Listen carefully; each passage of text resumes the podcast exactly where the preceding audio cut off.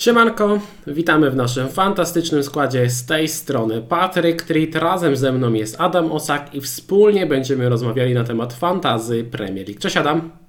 Cześć, witam. Na dzisiejszym streamie przeanalizujemy sobie najciekawszych zawodników przed kolejką 11, której deadline jest już w piątek o godzinie 19.30, więc uważajcie, żeby nie przegapić e, deadline'u. Zaczniemy od spraw organizacyjnych, później przejdziemy do podsumowania i wniosków po kolejce, a następnie zabierzemy się za analizę zawodników na poszczególnych pozycjach. Będziemy chcieli to zrobić trochę bardziej w formie dyskusji. Zobaczymy, jak Wam to e, przypadnie, przypadnie do gustu. Jak zwykle będziemy liczyli na Wasz feedback w komentarzach. Jeżeli starczy nam czasu, to odpowiemy też na kilka pytań z czatu. Wiem, że chcecie, aby porozmawiać o tym, czy warto grać hita, także postaramy się o tym wspomnieć. Natomiast jeżeli chcecie o coś nas zapytać, to zawsze najlepiej po prostu napisać komentarz pod nagraniem. Odpowiadamy na, na wszystkie komentarze. No co, na wstępie zapraszamy Was do naszej ligi FPL. Wystarczy wpisać kod BBCDAP Link znajdziecie do ligi w opisie nagrania. Polecam, żeby dołączyć do wygrania jest koszulka, natomiast myślę, że gdzieś jak się skończy ten pierwszy etap sezonu, e, zaczną się Mistrzostwa Świata, to ligę zamknę po prostu, e, albo po nowym roku jakoś, jakoś ją zamknę, więc polecam e, dołączyć, żeby, żeby mieć tą możliwość dołączenia do, do ligi. Jeżeli chcecie wesprzeć nasz kanał, to możecie postawić nam e, kawę. E, też link znajdziecie w, w, opisie, e, w opisie nagrania. A my przechodzimy do podsumowania kolejki. Y, ja w poprzedniej kolejce zdobyłem 70 punktów, natomiast zrobiłem ruchy za minus 4 punkty. E, no i w efekcie awansowałem o 20 tysięcy miejsc. E, powiem szczerze, że gdy sprawdzałem swój overall, to wydawało mi się, że awansowałem o 120 tysięcy miejsc. Dzisiaj tak patrzę, nie, nie, nie, to jest tylko 20 tysięcy, więc dzisiaj się raz trochę rozczarowałem, mimo że kolejka zakończyła się w poniedziałek. E, w każdym razie jestem w top milion, mam łącznie 576 punktów. E, kupieni zawodnicy dali punkty. E, Wilson punktów 5, Zaha punktów 5. Hit za minus 4 teoretycznie spoko. Do tego Andreas wszedł z ławki. E, natomiast największy ból polega na tym, że sprzedałem Bukayo Sakę. Mm, planowałem ten ruch zrobić dopiero przed blankową kolejką 12, natomiast w związku z tym, że połamał się Isak, brakowało mi kasy na Wilsona, w międzyczasie Isak spadł, Wilson e, gdzieś był trochę droższy, no to potrzebowałem dodatkowej kasy na tego Wilsona. Mówię, no dobra, to zrobię tego hita wcześniej, zamiast odkładać go na kolejkę 12, no i oczywiście od razu się zemściło. E, Bukayo Saka gol, co mnie bardzo ucieszyło, Bukayo Saka e, karny, co mnie bardzo ucieszyło, natomiast gdy później spojrzałem na FPL-a i zobaczyłem, ile to zrobiło punktów różnicy, to już taki zadowolony nie byłem. No ale wiadomo, e, niewielka cena za e, zwycięstwo, zwycięstwo Arsenalu widocznie tak musiało być. Najlepsze punkty zrobili Cancelo i Martinelli. Cieszę się, że Martinelli dał te punkty, bo powtarzaliśmy grając dziką kartę i też przed kolejką dziewiątą, gdy wiele osób grało dziką kartę, że Martinelliego warto przetrzymać, że to jest taka opcja must have i mimo tego, że miał trudny kalendarz, niektórzy próbowali gdzieś tam go wymienić na inne nazwisko, Martinelli robi swoje, nadal świetnie punktuje. Natomiast e, rozczarował mimo wszystko mnie Haland. Dałem kolejny raz opaskę, e, punktów 6 i podliczyłem, że dałem Halandowi opaskę 3 razy. W kolejce drugiej z Bormów 5 punktów, w kolejce ósmej Wolverhampton punktów 6, i w kolejce dziesiątej Southampton punktów 6. Czyli łącznie dał 17 punktów. To jest dokładnie tyle, ile dał za każdym razem strzelając hat-tricka, gdy nie miałem go na kapitanie. Czyli trzy razy dałem mu paskę i dał tyle punktów, ile y, daje. Trzy razy dał y, wcześniej hat-tricka i ja wtedy nie miałem mu paski i trzy razy zabrał mi y, tyle samo lub więcej, więc no ma co, ma, co, ma co nadrabiać w najbliższej kolejce. Mam nadzieję, że, e, że Haaland e, te punkty nadrobi teraz w meczu z Liverpoolem.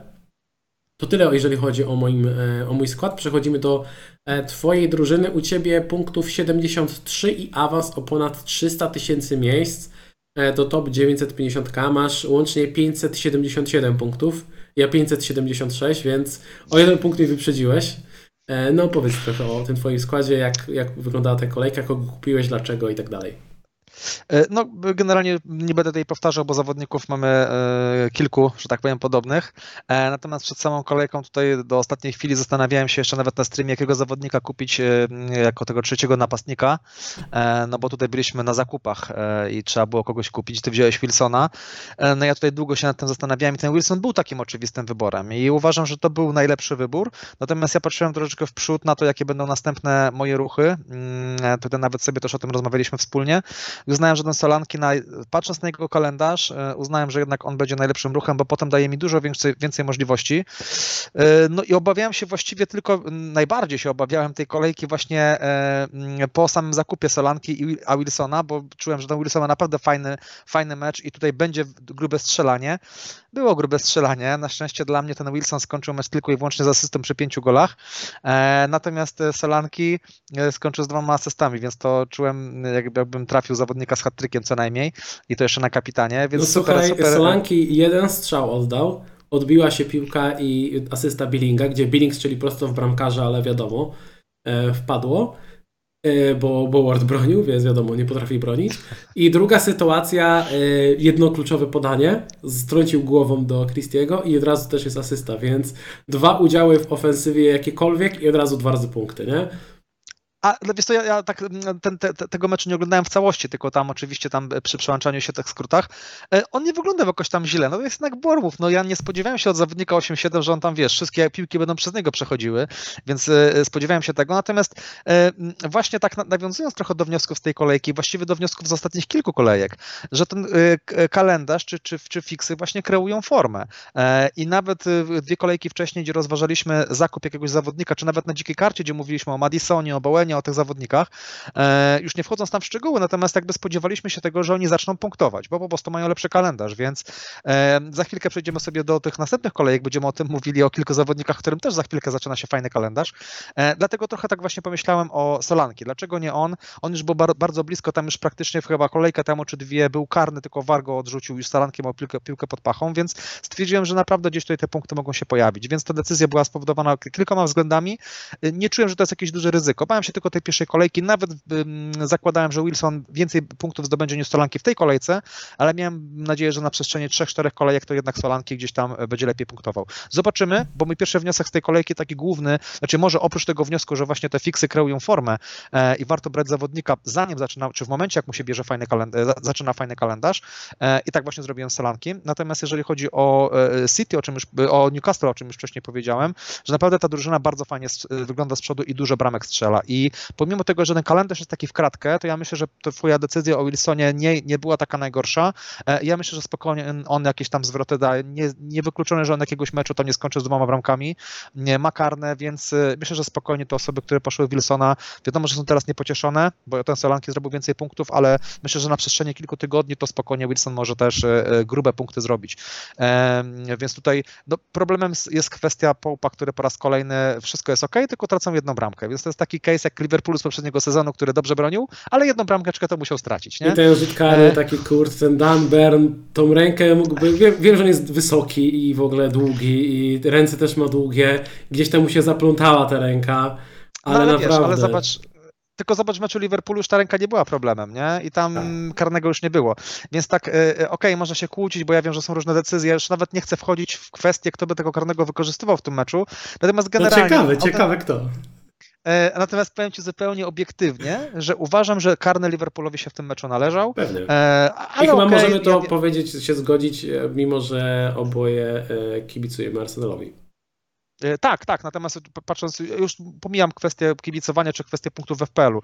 E, jeżeli na przykład jest jakaś sytuacja, która mi się nie podoba, ale jest ok, jest fair, no to ja to przyjmuję, tak? Natomiast jeżeli widzę, że e, faktycznie gdzieś tam coś było nie tak, no to, no to, to, to tutaj o, ty, o, tym mówię. Dlatego według mnie w mojej ocenie, nie tylko w mojej, ten karny się Liverpoolowi należał. Natomiast oczywiście, jeżeli chodzi tutaj o kwestię Liverpoolu, do którego tutaj płynnie przechodzimy, no to No Liverpool y, wygląda słabo, natomiast Liverpool bramki strzela i to jest y, pocieszające. I właśnie chciałem ten wniosek trochę połączyć właśnie z kwestią tego kalendarza. Liverpoolowi za chwilkę po meczu z City zaczyna się świetny kalendarz.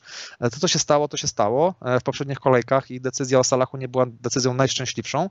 Natomiast y, za chwilkę ten kalendarz się odwróci i, i tak jak to było w przypadku Madisona czy Bowena, o którym nie dość, że e, robili mało punktów, Bowen wręcz w ogóle nie miał żadnego zwrotu z, z przodu w tym sezonie. Natomiast jak tylko kalendarz się odwrócił, to automatycznie te te zwroty zaczęły się pojawiać. I Bowen od razu, nawet nie wiedzieć czemu, nagle, nagle Bowen jest na karnych, e, o czym jakoś nie, nie wiem, nie wiedziałem. Czułem. Właśnie nie, nie, on strzelił wcześniej, pamiętam, karnego w tak? Lidze Europy. Tak, tak, tak. tak. A, okej, okay, okej, okay, okej, okay. to trochę mnie tak e, zdziwiło. E, natomiast y, myślę, że podobnie będzie z zawodnikami Liverpoolu. Już nie chodzi mi o konkretne nazwiska, mówię bardzo ogólnie, bo to drużyna wygląda słabo jako całość, natomiast y, y, poszczególne nazwiska wyglądają niektóre lepiej, niektóre gorzej, ale jak ten kalendarz przyjdzie, myślę, że tutaj e, w tych zawodników Liverpoolu można inwestować. E, no i tutaj trzeci taki wniosek, jeżeli chodzi o ekipę Aston Villa, która zagrała z najsłabszą ekipą, wydaje mi się, w lidze i wyglądała bardzo słabo. Widziałem tylko skróty, nawet się nie zmuszałem, żeby tego meczu oglądać, ale zobaczyłem statystyki, e, czytałem o tym meczu i po prostu mm, skoro tak to wyglądało z Nottingham Forest, jestem, a jestem e, posiadaczem e, Bailey'a, więc trochę tutaj jestem zaniepokojony, już pomijam jego zdrowiem, ale, ale faktem, jak to w ogóle, czy ekipa Aston Villa właśnie ta jest, jest w stanie jakieś tam fajne bramki postrzelać, bo tutaj właśnie wrócę do tego kalendarza, że na przykład West Ham, który trafił na, na Fulham, już trzy bramki strzelił, tak, Newcastle wspomniane, Bormów wygrywa mecz, która ma, ma fajny kalendarz, więc tak jak mówię, to jest bardzo kwestia bardzo istotna, więc mm, tutaj mam jeszcze jeden wniosek e, związany chociażby z tym, za chwilkę w jaką kolejkę wkraczamy, w tą kolejkę blankową e, i, i te, właśnie do tego e, chciałem nawiązać do tej zmiany kalendarza i nasze ruchy, przynajmniej moje. Myślenie właśnie jest, jak ta kolejka 12 ma wyglądać, że muszę koniecznie mieć 11 zawodników, jakich zawodników, natomiast patrząc na, na, na kalendarz od kolejki 13, zastanawiam się, czy to na pewno jest najszczęśliwsze, najmądrzejsze rozwiązanie, żeby gdzieś tak mocno fokusować się na tej kolejce 12. Czy tutaj mm, nie lepiej będzie e, tego, to odpuścić przez pryzmat tego, jak wyglądać e, będzie e, nasz, nasz, nasz zespoł od kolejki 13. Natomiast wiem, że ty masz chyba takie przemyślenia większe co, co do tego, więc tutaj może przejdź, przejdziemy znaczy, do ciebie. to może nie jakieś większe, tylko po prostu mm, no, zawodnicy Manchesteru City i Arsenalu nie przestają świetnie punktować, a my ciągle spoglądamy na tego Blanka w kolejce 12 i to jest taka taka rzecz, która no, w tej kolejce wyjątkowo mnie zabolała, bo już był e, ten e, Bukayo Saka u mnie w składzie i teraz tak naprawdę sprzedałem go, straciłem kilkanaście punktów i już myślę, jak go odkupić z powrotem. I, i to jest problem. E, Jezus cały czas daje punkty, Foden świetnie punktuje, Swoją drogą decyzja na dzikiej karcie Salah plus Isak, gdzie Salah blankuje w każdym meczu, a Isak się połamał kontra Kane i Foden, gdzie Kane strzela co kolejkę i Foden rozbija bank, e, strasznie bolesna, a tak naprawdę to było takie 50 na 50. E, no więc no, trzeba spoglądać właśnie tak jak mówisz, żeby już powoli myśleć jak tu odkupić z powrotem tych zawodników City, jak odkupić zawodników e, Arsenalu. Mm, zazdroszczę tym, którzy mają jeszcze jedną dziką kartę. Na ich miejscu próbowałbym jakoś przetrwać te najbliższe dwie kolejki dotrwać do tego blanka i potem ułożyć sobie piękny skład na kolejkę 13, gdzie e, wszyscy gracze będą, większość graczy, którzy nie mają e, dzikiej karty, będą mieli mega problem, żeby wrócić na przykład do 3 razy Manchester City, 3 razy Arsenal plus, nie wiem, jakiś Darwin w ataku albo ktoś taki, e, gdzie taki skład może być naprawdę rewelacyjny, a, a mało kto będzie mógł sobie pozwolić na to, żeby taki skład zbudować, więc to może być duża przewaga na te ostatnie cztery kolejki. No i kolejny mój wniosek jest taki, że nawet najlepsze planowanie nie pomoże w przypadku e, plagi kontuzji, bo e, Zobacz, że ilu zawodników się połamało, odkąd, e, odkąd graliśmy tą dziką kartę. To była ta dzika kartka, kolejka 8 i 9, gdzie większość graczy ją odpaliło. Praktycznie u każdego świeci się pół składu albo co najmniej kilka nazwisk. I, I nawet wiesz, nawet planowanie o tym, planowanie tego, że już sobie zaoszczędzimy na jakichś transferach nie, nie pomogło, bo, bo zobacz, chcieli, nie chcieliśmy marnować dwóch transferów na kupno Trenta, który miał być świetną opcją od kolejki 12. E, no i co nam z tego wyszło? To, że się połamał i, i, i nic z tego nie wyszło. I tak jak mówisz, Liverpool wchodzi w fajny kalendarz, z reguły zawodnicy z lepszym kalendarzem punktują lepiej. Tego Trenta już nie ma. E, chcieliśmy Salaha, bo wiadomo, że od kolejki 12 będzie nam potrzebny koniecznie. Salah nic nie punktuje, nic to nie dało, nie? E, wiesz, i, i to jest taka rzecz, że no można sobie planować, można sobie myśleć, można się zastanawiać, ale jeżeli nie trafisz w odpowiednie nazwiska, to i to nic nie da, bo jeżeli ktoś poszedł w Keina, jeżeli ktoś poszedł w Fodena, jeżeli w obronie nie ma Trenta, to może powiedzieć, można powiedzieć, że on użył bardzo podobnych argumentów, nie? że on użył e, kartę, wiesz, na najbliższe kilka kolejki z myślą o Blanku i tak dalej, I jemu się, i takiej osobie się udało, nie? I taka osoba e, sobie, sobie poradziła e, świetnie, a można było pójść sobie z innym duetem i znowu ten skład się rozsypał. Są też osoby, które mają przecież jeszcze Fofane na przykład w składzie, który też się pomylił. Mnóstwo nazwisk takich nawet pobocznych i też oczywiście timing jest najgorszy, bo gdy zbliża się kolejka 12 i wszyscy myśleliśmy o tej, o, żeby mieć w kolejce 12 fajny skład, żeby tak ławkę ułożyć, żeby była i tak dalej. No i przed kolejką 12 wszystko się sypie, nie? Więc to jest taki urok FPL-a oczywiście, natomiast jest to, jest to dosyć takie e, zabawne, że fantazy, mimo że gramy tyle lat, niby nie, nie powinno nas już nic dziwić i tak te kolejne kłody nam pchają pod nogi i za każdym razem się przewrócimy. Ale wiesz, co powiem Ci w, w kwestii Trenta właśnie, to jest, to boli, bo e, celowo widzieliśmy, że Liverpool nie wygląda najlepiej, natomiast właśnie ja wiedziałem o tym, że osoby bez Trenta nie będą w stanie do niego przejść, bo po prostu nie pozwoli im struktura. I po prostu my przecierpiliśmy to, co zakładałem, że nawet przecierpię tych kilka kolejek z tym Trentem, który trochę zapunktuje, trochę nie, ale on potem y, odrobimy na tym.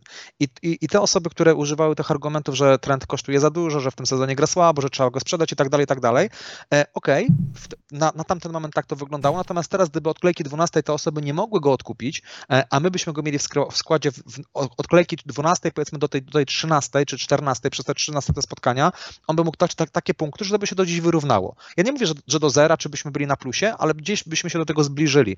I ta decyzja byłaby uzasadniona. A tak, nie mamy kompletnie żadnego argumentu. Człowiek wypada, trzeba go sprzedać i właściwie kompletnie nic na tym nie, nie zyskaliśmy, tylko, tylko, te, tylko same straty właściwie ponieśliśmy na tym, bo wiadomo, że reszta składu trochę cierpiała. Nie? No, ale niestety, tak jak mówisz, to jest FPL, tego się nie przewidzi, kwestia kontuzji, bo kwestia Salaha jest trochę inną kwestią, bo, bo na Salachu możemy jeszcze odrobić, e, natomiast na, na Trencie już nie odrobimy. I to boli, bo no niestety to jest już taka duża strata, no i trzeba to przełknąć. Tak, i to też zmieniło strukturę składu, bo ja też, wiesz, Kupiłem tego Zachę z, z miejsca Saki, bo myślałem już o tym, no dobra, będę chciał tego Zachę i tak w kolejce 12, inaczej go nie upchnę, nie? Nie I ma jak sfinansować I w tego, momencie, tak. gdy zrobiłem ten ruch, to po pierwsze straciłem kilkanaście punktów i natychmiast połamał się trend, gdzie teraz mógłbym po prostu już mieć tego Sakę i po prostu zamienić tak. sobie kontuzjowanego Trenta na Zachę i mieć kilkanaście punktów do przodu i być uśmiechnięty, nie? Więc to też jest takie trochę no można sobie planować i oczywiście moim zdaniem planowanie jest ważne i to nie jest tak, że Fantasy Premier League to jest gra, gdzie wszystko jest losowe i wróżenie z fusów i tak dalej. Z tym się nie zgadzam, bo pewnie 8 na 10 decyzji czy 7 na 10 decyzji będzie trafionych i to sprawia, że ostatecznie idzie się do góry, do góry i ten sezon kończy się na przyzwoitym miejscu. Natomiast no ciężko jest trafić z każdą decyzją i też jest kwestia tego, jak bardzo jesteśmy pokarani, gdy nie trafiamy, nie? I niestety... Yy, znaczy wiesz, bo jak się weźmie taką próbkę i wycinek tylko jakiegoś tam sezonu i faktycznie w tym odcinku można powiedzieć, że fatalne decyzje, jasne, ale idąc tym tokiem, tak jak mówisz, kwestie planowania, idąc tym tokiem myślenia w długim okresie czasu, całego sezonu, czy kilku sezonów, trzech, czterech, to te osoby, które planują, zawsze będą wyżej od tych osób, które nie, nie planują. One mogą ewentualnie tylko gdzieś w krótkim okresie czasu mieć trochę szczęścia, ale planowanie pomaga temu szczęściu, a brak planowania jednak e, nie zawsze, tak? Możemy mieć tak jak z trendem i tak dalej, natomiast to nie będzie, wiesz, co chwila takie, takie sytuacje nie będą miały miejsca, nie? Powiedz mi, czy masz jeszcze jakieś wnioski po kolejce, czy przechodzimy do obrońców? Wiesz co, ja bym chciał, możemy tutaj powiedzieć na, na, na temat jeszcze jednego wniosku na, w kwestii Salaha. E, bo powiem Ci, e, chciałem Ciebie zapytać, e, generalnie zadać takie pytanie, ale żebyś też na nie odpowiedział. Załóżmy, okay. że teraz w tym sezonie widzimy, jak Haland punktuje, prawda? Mhm. Punktuje rewelacyjnie. Za, za, załóżmy, że do końca sezonu punktuje podobnie. No, zakładamy, że może nie będzie punktował idealnie tak samo, że nie będzie strzelał e, trzech hat-tricków tam w, w, na przestrzeni sześciu każdych kolejek, czy tam ośmiu, natomiast e, załóżmy, że punktuje tak, wys, kończy wysoko. Kolejny sezon się zaczyna, Haland, Haland punktuje tak samo. Tak, znowu strzela dużo bramek, jest najlepszym zawodnikiem, właściwie autopik na, na, na kapitanie i powiedzmy 3-4 sezony tak mijają. Jest czwarty sezon, oczywiście każdy ma tego Halanda i Haland y, nie strzela w pierwszym meczu bramki, ani w drugim. E, sprzedajemy go, czy, czy nie? Co, co, co z nim robimy, powiedz? Wiem, do czego zmierzasz. Nie, nie sprzedajemy. Dlaczego? No przecież nie punktuje, jest słaby. No wiesz, dużo zależałoby też od tego, jakie ma statystyki i tak dalej, no ale ja akurat jestem taką Ale statystyki osobą... ma dobre, statystyki no, ma dobre. No właśnie, jestem taką osobą bardzo, bardzo upartą, na czym e, co wiele osób mi wypomina, niekiedy słusznie i, i na czym się niekiedy e, zdarzyło mi już nieraz przejechać, że no ja patrzę na te statystyki na dużej próbce i e, jeżeli zawodnik dobrze punktował jeden sezon, drugi sezon, trzeci sezon, to nawet jeżeli pierwsze 8 kolejek ma słabe, z reguły i tak powiem, że jest dobrą opcją. I tak mówiłem o Bowenie. W momencie, gdy graliśmy kartę, to ja też uważałem, że Bowen na przykład jest bardzo dobrym pikiem i podtrzymuję to zdanie, mimo że wtedy miał 0 goli, 0 asyst, prawda?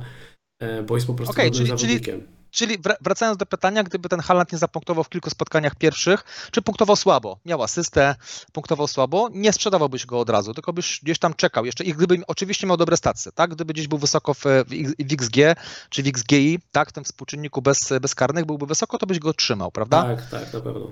Okej. Okay. E, dlatego jakby mm, trochę pokazując przez pryzmat osób, które być może grały mniej sezonów e, i mają trochę inną ocenę i bym powiedział, może nie są obciążone pewnymi decyzjami, bo ja nie mówię, że to jest dobre czy nie, natomiast nie są być może obciążone pewnymi de decyzjami, więc e, te osoby, które teraz nie widzą składu bez Halanda i dla nich jest autopikiem, to też pytanie do nich, czy kolejny sezon, gdyby Haland na początku sezonu wyglądał słabiej, czy były tak spieszno byłoby im ze sprzedażą Halanda. Więc jakby trochę tak pokazuje, mm, oczywiście wiadomo do, do, do czego dążę, tak, do, do, do kwestii Salaha, że tak to Powiem wyglądało. Ci szczerze, że myślę, że większość by sprzedała. E, I, I to mogłoby się oczywiście obronić, bo większość jednak zwraca uwagę w dużej mierze na punkty. I to też ma jakiś. Ale nie, ale właśnie. Bo wiesz, okay, mamy, okay, tych jasne, zawodników jasne. Premium, mamy tych zawodników premium sporo, nie? I wiesz, Kane jakiś czas temu był bardzo popularną opcją. Teraz mało kto gra Kane'em w ogóle, bo jest Haaland, nie? Ale zauważ, że Kane zawsze był na, Kane był zawsze na dokładkę. To było na zasadzie, jak na przykład Salah miał kontuzję, albo Salah miał gdzieś, była jakaś inna sytuacja z Salahem. Zawsze Salah był opcją numer jeden, zawsze. E, ten Kane, Kane był jako, jako, jako, gdzieś tam opcja numer dwa. E, pomijam kwestię Kevina De Bruyne, to już, to już różnie, to, różnie to wyglądało. E, i, i, mówię, dlatego jakby mm, pokazuję skąd ta sytuacja z Salahem, bo tak jak mówisz, gdyby się okazało, że to Salah ma niskie statystyki, to podejrzewam, że dużo szybciej byśmy się go pozbyli. Natomiast patrząc na te jego statystyki, na ten kalendarz, który za chwilkę się zmienia i na to przez pryzmat kilku sezonów tego, jak Salah wyglądał i, i y, jaką drużyną jest Liverpool, no to było trochę tym podyktowane, tak? I te osoby, tak jak mówię, które by grały kolejny sezon, e, też podejrzewam, że podobną decyzję by podjęły. Natomiast y, być może faktycznie te osoby, które, y, znaczy ja, ja powiem tak, ja dalej uważam, że osoby, które podejmują decyzję tylko na podstawie punktów z ostatniej kolejki e, i w ten sposób podejmują w, w długim okresie czasu nie odniosą sukcesu w tej grze. E, ale okej, okay, nie wiem, no każdy ma swój sposób e, grania, e, każdy ma swój sposób podejścia. No ja nie uważam, że to, by był, że to jest do, dobry sposób na granie i myślę, że to, ci topowi gracze też w ten sposób do tego nie, nie podchodzą, tak? Natomiast jakby to też nie o to chodzi, że tylko i wyłącznie decyzja o pozostawieniu Salaha była dobrą decyzją. Oczywiście, że nie, tak? Natomiast chodzi o to, że trzeba czasami się trochę zastanowić i podjąć gdzieś tam decyzję. I te osoby, które z ciężkim sercem gdzieś tam go sprzedawały, miały jakieś tam powiedzmy argumenty ku temu, że ok, muszę sprzedać, trochę ryzykuję, ale to zrobię i to zrobiły, ok, dobra decyzja. Natomiast jeżeli komuś to łatwo przyszło po dwóch, trzech kolejkach tylko dlatego, że on nie zapunktował, to im się trochę udało. Bo y, kolejnym razem w następnym sezonie, czy nawet w tym sezonie jeszcze może być podobna sytuacja i wtedy gdzieś tam zostaną szybko pokarani, nie? Ale teraz im teraz się udało i oczywiście mają rację i podsumowując, czy decyzja o zostawieniu Salaha na dzikiej karcie, czy odkupieniu go, czy była dobra? Nie, nie była dobrą decyzją.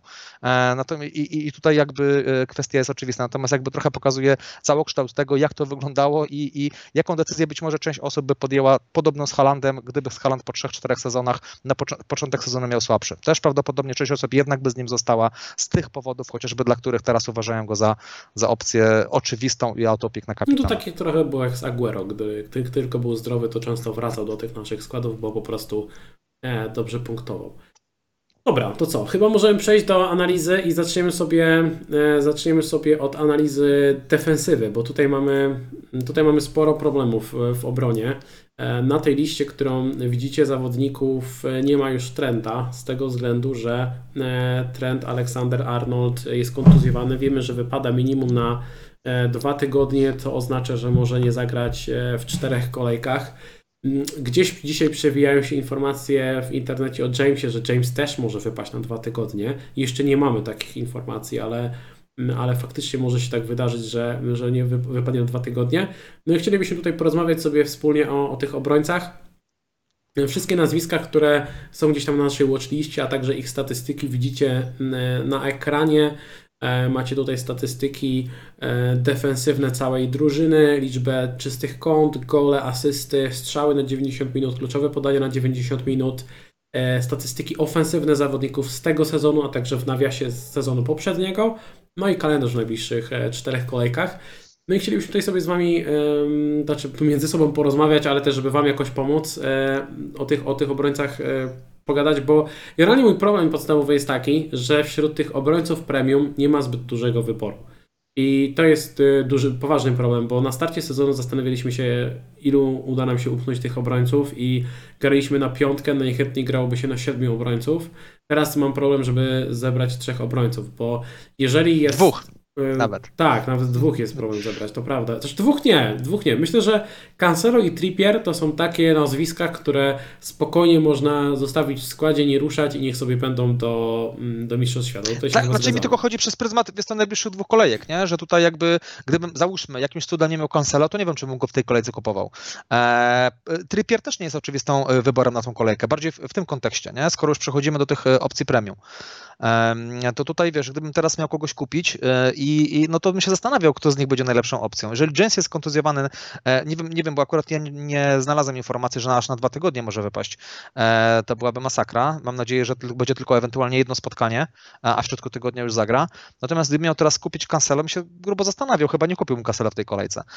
Natomiast oczywiście długofalowo, patrząc na, na, do kolejki 16, no to Cancelo i Trippier są oczywistymi wyborami, natomiast niekoniecznie zakup w tej kolejce ich gdzieś tam by, by się, by się bronił. Natomiast myślę, że chyba większość osób tego Cancela prawdopodobnie w składzie ma. Natomiast gdyby, gdyby tak nie było, to bym gdzieś patrzył indziej, na jakieś inne nazwiska. Jeżeli James by nam wypadł, to tak na dobrą sprawę mamy jeszcze, patrząc na, na statystyki ofensywne tych zawodników, to tak na dobrą sprawę tutaj e, ciężko oprócz Perisicza i wspomnianych już zawodników znaleźć kogoś sensownego, kto jakieś fajne punkty może dać z przodu. Natomiast Perisic wiadomo, że jest obarczony ryzykiem rotacji, więc e, e, nie wiadomo, czy też będzie takim najlepszym, najszczęśliwszym wyborem, wy, wyborem być może na tę kolejkę, ale pytanie na trzy, powiedzmy następne czy cztery, to już jest jakieś ryzyko. Więc według mnie tutaj jest duży, duży problem, żeby wskazać takiego fajnego zawodnika, którego można byłoby na przykład na jedną, dwie najbliższe kolejki kupić. Mhm. No właśnie, bo nawet myśląc gdzieś tam trochę szerzej o tych zawodnikach premium, Zastanawiałem się na przykład nad Chilwellem, tylko że Chilwell i, e, i Kukureya niestety gdzieś tam rotują i oni mogą rotować, Graham Potter lubi rotować, więc to jest, to jest problem. E, ciężko tutaj zaufać. Jeżeli chodzi o na przykład jakiegoś Van Dijk'a czy Gomeza, bo takie nazwiska też mi się przewinęły na Twitterze, no jeżeli nie mieliśmy zaufania do Trenta, który yy, mimo wszystko liczby z przodu miał ok, albo powiedzmy dobre, czy bardzo dobre, może nie tak dobre jak w zeszłym sezonie, ale bardzo dobre, no to tym bardziej chyba nie będziemy się pchać w jakiegoś Gomeza, yy, Van Dijk'a i tak dalej, gdzie ta defensywa no jest osłabiona, tak? Więc te opcje też odpadają yy, i tak naprawdę no, może właśnie ten Tottenham. I tutaj nie mam na liście, ale tak myślałem dzisiaj w ciągu dnia, bo robię też listę najlepiej punktujących zawodników na każdej pozycji, żeby zrobić takiego screena, jak, jak ile punktów zrobił najlepiej punktujący skład do tej pory. E, I można byłoby spokojnie ustawić e, zombie team przez 10 kolejek i być na pierwszym miejscu, mieć 30 punktów przewagi nad drugim miejscem. Wystarczyło ustawić skład tych najlepiej punktujących i dać Halanda na kapitana. I w tym składzie Proste, jest. Słucham? Proste. Proste. No. I słuchaj, w tym składzie jest Dyer. I zastanawiałem, czy ten Dyer jest jakąś opcją. Tylko, że znowuż ten kalendarz Tottenhamu nie jest aż tak dobry, żebym ja chciał iść w opcję z Tottenhamu tylko pod CS-y. Bo Dyer to jest gol raz na jakiś czas dystansu albo raz na jakiś czas z główki, nie? E, więc Perisic, Sessegnon czy Emerson to są takie nazwiska, które mogą, czy Doherty, to są nazwiska, które mogą dać punkty jeszcze z przodu i to jest ten ich podstawowy atut, bo są wahadłowymi. Natomiast iść w Dyera tylko pod TCS, gdzie teraz na składzie jest Everton, ok, to jest fajny mecz, ale później United, Newcastle, Bournemouth, no Bournemouth też jest ok, ale United i Newcastle nie są łatwe mecze, nie? No, no nie, nie. I powiem Ci, że mam spory zgrzyt. Myślę, że mógłbym zaryzykować z tym Perisicem, ale kompletnie bez przekonania. Jeżeli ktoś e, nie ma Trippiera, to jest moim zdaniem łatwy zakup. Jeżeli ktoś nie ma Cancelo, to tak jak mówisz, to jest dylemat, czy kupić tego Cancelo już teraz. Nie wiem, czy nie brał po prostu kogoś tańszego i Cancelo planował kupić na kolejkę Od 13. 13, dokładnie. dokładnie. Mhm. Nie, no pewnie, no, to trzeba jednak patrzeć na ten kalendarz i pomimo, że on jest najlepszym, jednym z najlepszych wyborów w obronie na ten moment, obok Trippiera, tak jak powiedziałeś, no to wiesz, tak jak mówisz, byś brał Trippiera, oczywiście długofalowo to się broni, natomiast jest Manchester na wyjeździe i co by o Manchesterze Aż nie tak bym się chyba tym nie przejmował, Nie? wiesz, szczerze Znaczy, mówiąc. ja, ja tu nie CS-a. Ja też Tylko- nie, ale to znaczy, ale dla mnie na przykład problemem Cancelo nie jest mecz z Liverpoolem. Gdyby na przykład Liverpool, y, y, City miało w kalendarzu teraz Liverpool, później wyjazd na Arsenal, to i tak bym polecił tego Cancelo. Bo to nadal by była najlepsza opcja. Problemem jest Okej, ten ale mi nie chodzi, Problem- nie, cho- no, no właśnie, mi nie chodzi tylko o Liverpool, nie, nie, nie, mi chodzi o Liverpool i Blank. Tak, no E, właśnie problem więc- jest blank. Dlatego zmierzam do tego, że Trippier nie ma blanka i to jest podstawowy atut, więc okej. dla mnie żaden problem. Dla mnie nie ma aż takiego znaczenia, szczerze, czy on najpierw będzie miał United, Tottenham, później Everton i Aston Villa, czy na przykład najpierw Aston Villa i Everton, a później Tottenham i United. Raczej będzie Okej. większość go brała, raczej będzie najpopularniejszym obrońcą, właśnie obok Cancelo. Jego cena raczej będzie szła do góry, bo nie ma za Tak. bardzo alternatyw, więc w sumie im szybciej się go weźmie, chyba tym lepiej, bo już ten transfer jest z głowy. No nie? tak, żeby mieć trochę z głowy, dokładnie, bo to będzie opcja na A pewno. wiesz, a z United czy mnie szokuje, jeżeli Pop zagra dobry mecz i wiesz, kilka kontrataków pójdzie United i on to wyciągnie, będzie CS? Nie. Czy mnie szokuje, że Trippier znowu ze stałego fragmentu dorzuci piłkę i No będzie tak, asystę? No. nie. No ma najwięcej Okej. crossów i najwięcej stałych fragmentów chyba ze wszystkich obrońców bił e, w tym sezonie, więc dla mnie to jest żaden problem. Więc Nie, no w jak porządku, ktoś nie ma porządku, Trippiera, no. to moim zdaniem jest bardzo łatwa decyzja. Tylko wiesz, tylko, tylko chodzi, no jasne, tylko to jest taki czasami problem, jak widzisz, że ktoś ma mecz z Manchesterem na wyjeździe, obrońca ma mecz z Manchesterem na wyjeździe, no to wiesz, to nie jest o- oczywisty wybór i sam się klika, prawda? Natomiast faktycznie biorąc pod uwagę to, jak, jak e, pozostałe opcje premium, jakie mają kalendarz albo że są kontuzjowani, jak to wygląda, to faktycznie to jest taka najbardziej oczywista opcja, nie? Więc Wiesz, wtedy- wolałbym na przykład obrońcę Chelsea, nie? Wolałbym, no tak, oczywiście. no tak. Ja bym no bardzo chętnie przyjął obronę w stylu Cancelo, James, e, Chilwell i Trippier, czy coś w ten deseń. Bardzo chętnie. Mhm. Tylko jeżeli James jest połamany, Chilwell niepewny składu e, i Kukureya również, no Koulibaly albo Thiago Silva też znów Chelsea, podobny przypadek jak e, Tottenham. To są świetne opcje, gdy są to zawodnicy ofensywni, bo dają dużo punktów z przodu, ale kalendarz Chelsea też nie jest zbyt dobry do Mistrzostw Świata. Tam jest tam nie widzę aż tak wielu CS-ów, żeby opłacało się brać obrońcę typowo pod CS-y, nie? Jasne, tylko wiadomo, że i James i Chilwell, jeżeli będzie grał, a James, jeżeli będzie zdrowy, to obaj mogą dać naprawdę fajne punkty też z przodu, o tym też trzeba pamiętać. Bo wiesz, akurat Jamesowi się wylosował go, gol i CS w meczu Ligi Mistrzów, a, a w lidze e, dał jeden punkt. No i po prostu, no niestety tak to wygląda, tak? Opcją jest dobrą, natomiast czasami niestety e, te punkty e, w- da w innych rozgrywkach, niekoniecznie w meczów, meczach Premier League. Natomiast jakby podsumowując kwestię tych e, obrońców premium, myślę, że jakby e, Cancelo większość osób ma e, i myślę, że raczej większość osób planuje posadzić na ławce w kolejce 12 E, i myślę, że to chyba jest naj, najmądrzejsze rozwiązanie, żeby od kolejki 13 już nie martwić się tą pozycją e, i trzymać tego obrońcę City, bo kalendarz jest rewelacyjny. E, Myślę, że Trippier, ze względu na to, że nie ma Blanka, tak jak powiedziałeś, też jest super opcją i myślę, że tutaj nad tymi dwoma nazwiskami nie ma co się zastanawiać. Natomiast James, no kwestia zdrowia, tak? Czy on będzie zdrowy, czy on, czy on będzie mógł grać, czy nie i na ile ewentualnie wypada, bo jak na jeden tydzień, to myślę, że że to nie jest problem, bo na szczęście to jest ta kolejka 11, w której gdzieś tam ewentualnie kimś z ławki możemy zagrać. Gorzej jak on wypadnie też na kolejkę 12, bo wtedy robi się kolejny e, brak jednego zawodnika i, i gramy o jednego mniej. Ale myślę, że te, te trzy nazwiska, e, Cancelo, James i Trippier, to chyba są takie nazwiska, które powinniśmy mieć w kontekście dłu- e, jakby dłuższego okresu czasu, nie patrząc tylko na kolejkę 11 czy 12. Też patrząc na ten kalendarz Chelsea, mnie nie zdziwi, jeżeli James na przykład będzie oszczędzany i szykowany na mecz z United, bo teraz jest Aston Villa i Brentford i grając sobie jakimś Loftusem, Cikiem, czy kimś takim, na, czy Aspilicuetą na prawej, e, prawej stronie, czy to będzie obrona, czy wahadło, to Chelsea może sobie po, poradzić i to mnie też trochę martwi. Gdyby tutaj w tej kolejce 11 czy 12 rywale byli tacy topowi, to może Potter by zaryzykował. A patrząc na ten kalendarz, mi śmierdzi tym, że James pewnie wróci na kolejkę 13. I może tutaj też zadam Ci takie pytanie. Jeżeli założymy, że James wraca dopiero na kolejkę 13, co robisz z Jamesem? No wiesz, y, akurat w moim sytuacji mam inne problemy w składzie, na innych pozycjach. Ja nie wiem, czy tutaj bawiłbym się w e, transferę Jamesa.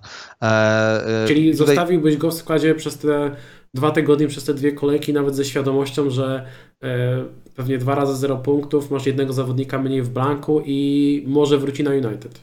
Tak, bo po prostu uważam, że transfer, e, zwłaszcza obrońcy, nie ma sensu używanie dwóch transferów, bo Jamesa chcemy długofalowo. Oczywiście sytuacja by się zmieniła, gdyby on nie na jeszcze dłużej wypadł, tak? Natomiast jeżeli to będą tylko te dwa mecze, albo jeden mecz, bo tak mówisz o dwóch, no ale nie, nie wiemy tego, załóżmy, że no będzie wiesz, jeden. Chodzi ale... o to, że jest y, kolejka w środku tygodnia, więc ten mecz z United to jest następny weekend, nie? To jest 10 okay. dni takie dobre. No tak, tak, że powiedzmy wypada na tydzień, tak? A na tydzień to są dwie kolejki. Więc, więc no w tej sytuacji bym przytrzymał, bo sprzedaż pytanie na kogo? Przed chwilą mówiliśmy, że nawet z opcji premium za bardzo ciężko jest wybrać kogoś na tą kolejkę, czy na najbliższe dwie, prawda? Czyli e, case Cancelo, który ma Liverpool i Blank, e, case Trippiera, który teraz ma Manchester, więc tutaj nie, a też myślę, że raczej większość osób tych zawodników wspomnianych już ma, więc ja myślę, że używanie transferów na Jamesa, żeby wziąć z niego teraz pytanie kogo, Perisicza, który może rotować i też zagra tylko w jednym spotkaniu, za chwilkę tego Jamesa chcemy odkupić, bo jest najlepszą opcją premium, o czym mówimy już od kilku tygodni, więc myślę, że to chyba nie ma większego sensu, no żeby dobra, tyle transferów. Słuchaj, jeszcze jedna rzecz. Mamy sześć kolejek do Mistrzostw Świata, a my mówimy, że może nie zagra w dwóch, później ma United, czyli można, może nie zagrać nawet w trzech, albo w tej trzeciej po prostu będzie ciężko o punkty. Czy jest sens trzymać obrońcę, który może Ci się przyda za, za trzy kolejki na trzy kolejki?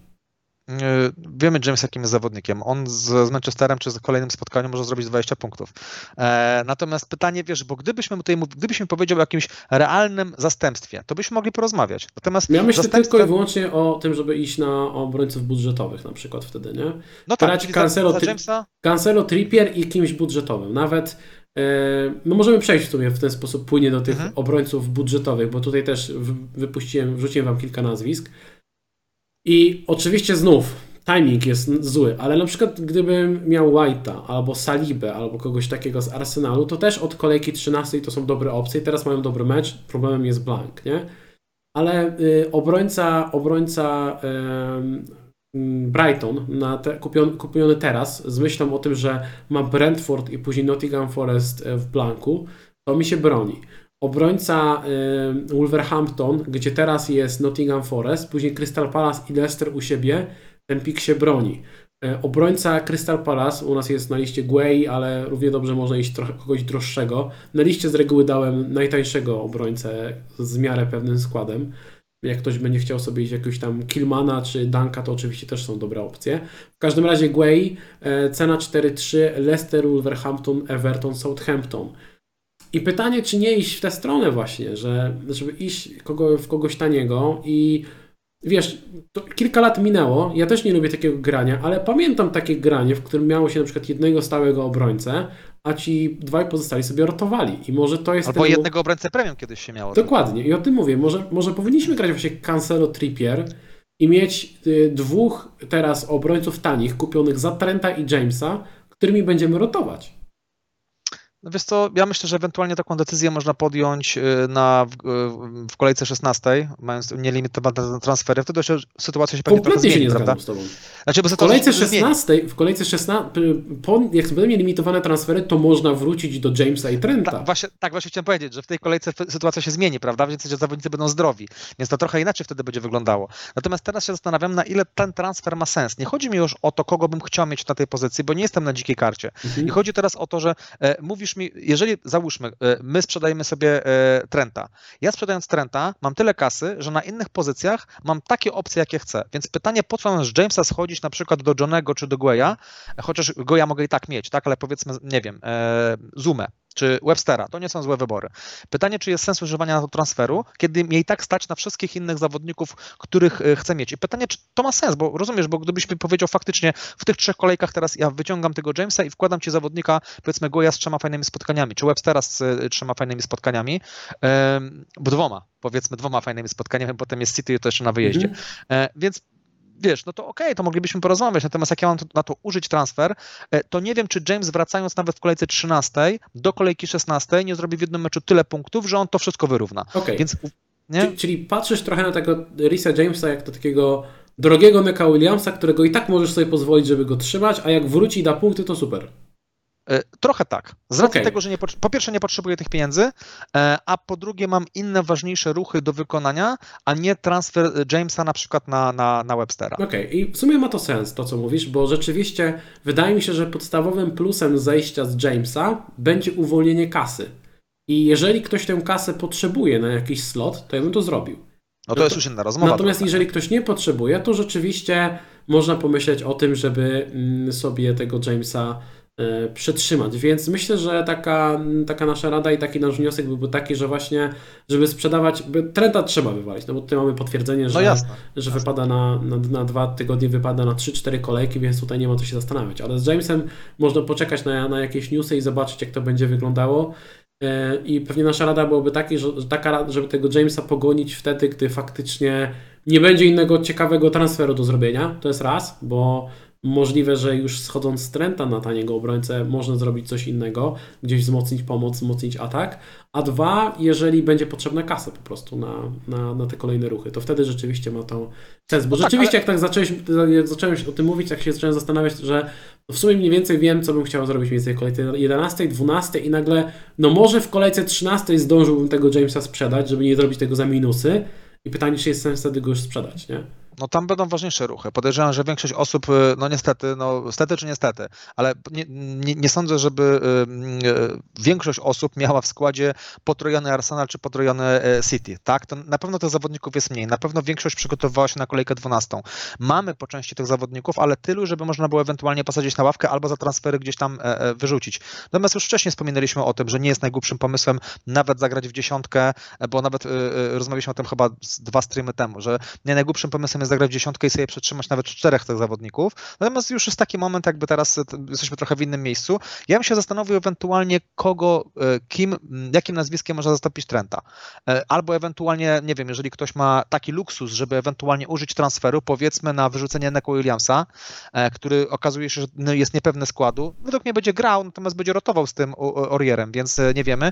Więc tutaj te nazwiska, które tak trochę wspominaliśmy, to możemy się zastanowić, jaka jest top 3 według ciebie, w mhm. kogo byś szedł od 1 do 3 z opcji tych budżetowych. To zaraz Ci powiem, ale jedną rzecz dodam w kontekście mhm. Neko Williamsa, bo e, ciekawą rzecz gdzieś tam mi mignęła na Twitterze, komentarz i w sumie to jest słuszna uwaga.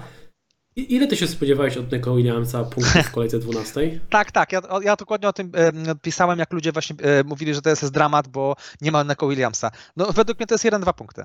No, wiesz, y, i nawet zacząłem, zacząłem się zastanawiać, czy to nawet nie lepiej, że Neko Williams y, będzie wchodził z ławki, bo on wchodzi. No może nie aż tak. Bo, słuchaj, wchodząc z ławki, on, e, on robi ten jeden punkt i ma tylko 30 minut, żeby stracić dwie bramki, za co są odjęty punkt. Aha, tak, A grając od początku meczu jest większa szansa, że zrobi 0 lub 1, minus 1. Wiesz co, no ja tak bym na to nie patrzył, jednak jest szansa, wiesz, da coś z przodu. No jednak... 30 minut też może coś dać, słuchaj, wszedł okay. na boisko ostatnio i bił już stałe fragmenty, nie? Ale, ale zobacz, gdybyśmy mieli poselekcjonować tych zawodników po e, e, współczynniku e, atakującym, to on by był na drugim czy na trzecim miejscu? Na trzecim, czwartym. E, e czwartym, nie. Na, za, za Perisicem, za Perisicem, za Jamesem i za Trippierem, no. Ale za Trippierem dosłownie o 0,02. E, więc y, wiesz, dla mnie to dalej, ja dalej podtrzymuję swoje stanowisko, że on da jakiś zwrot z przodu, natomiast e, Forest jest tak słaby z tyłu, że po prostu tak jak mówisz, te, te, bram, te bramki będą tracone. I teraz pytanie, czy wylosuje się mu asysta w tej kolejce, czy nie, tak? To jest ta, ta kwestia. I ja bym tutaj nie marnował na to transferu, chyba, że naprawdę ktoś ma taki luksus, tak? I autentycznie nie ma co ze składem zrobić, bo ma super skład ustawiony. Ma załóżmy pomysł na to, żeby w kolejce 13 kupić, nie wiem, y, będzie miał dwa transfery na to, żeby powiedzmy w kolejce 13 kupić sobie dwóch zawodników y, kogoś z City czy z kogoś z Arsenalu, no to wtedy okej, okay, no może bym pod niego podmienił, wziął typowo Webstera, na przykład czy zawodnika z Brighton, typowo pod kolejkę 12. To Dobra. nie jest najgłupszy pomysł, to teraz nie? ale trochę inaczej, to jest luksus. Inaczej, inaczej zapytam, jakbym chciał ustawić priorytety, który zawodnik jest y, w pierwszej kolejności do odpalenia i masz do wyboru tak, kontuzjowanego Trenta, potencjalnie kontuzjowanego Jamesa i Neko Williamsa, który straci skład. Kogo pierwszego wywalasz, kogo drugiego, kogo trzeciego? Y, Trenta, bez dwóch zdań. Pierwszy, z, no. wielu, z wielu powodów, ale, przy, ale nie na pewno z powodu kalendarza, bo ja żałuję, że będę musiał to zrobić, natomiast y, nie tylko z powodu tego, że wypada na długi okres czasu. Natomiast hmm. Jamesa tylko pod warunkiem, że wypada na dwa spotkania, a potem wraca na Manchester United. Gdyby to, jeżeli to będzie potwierdzone, to rozumiem sprzedaż Jamesa, te osoby, które będą to robiły, ale też bym się jeszcze zastanawiał, czy faktycznie potrzebuje tych pieniędzy. A Neko Williams ostatni w kolejności, bo nie, i tak nie uwolnisz kasy.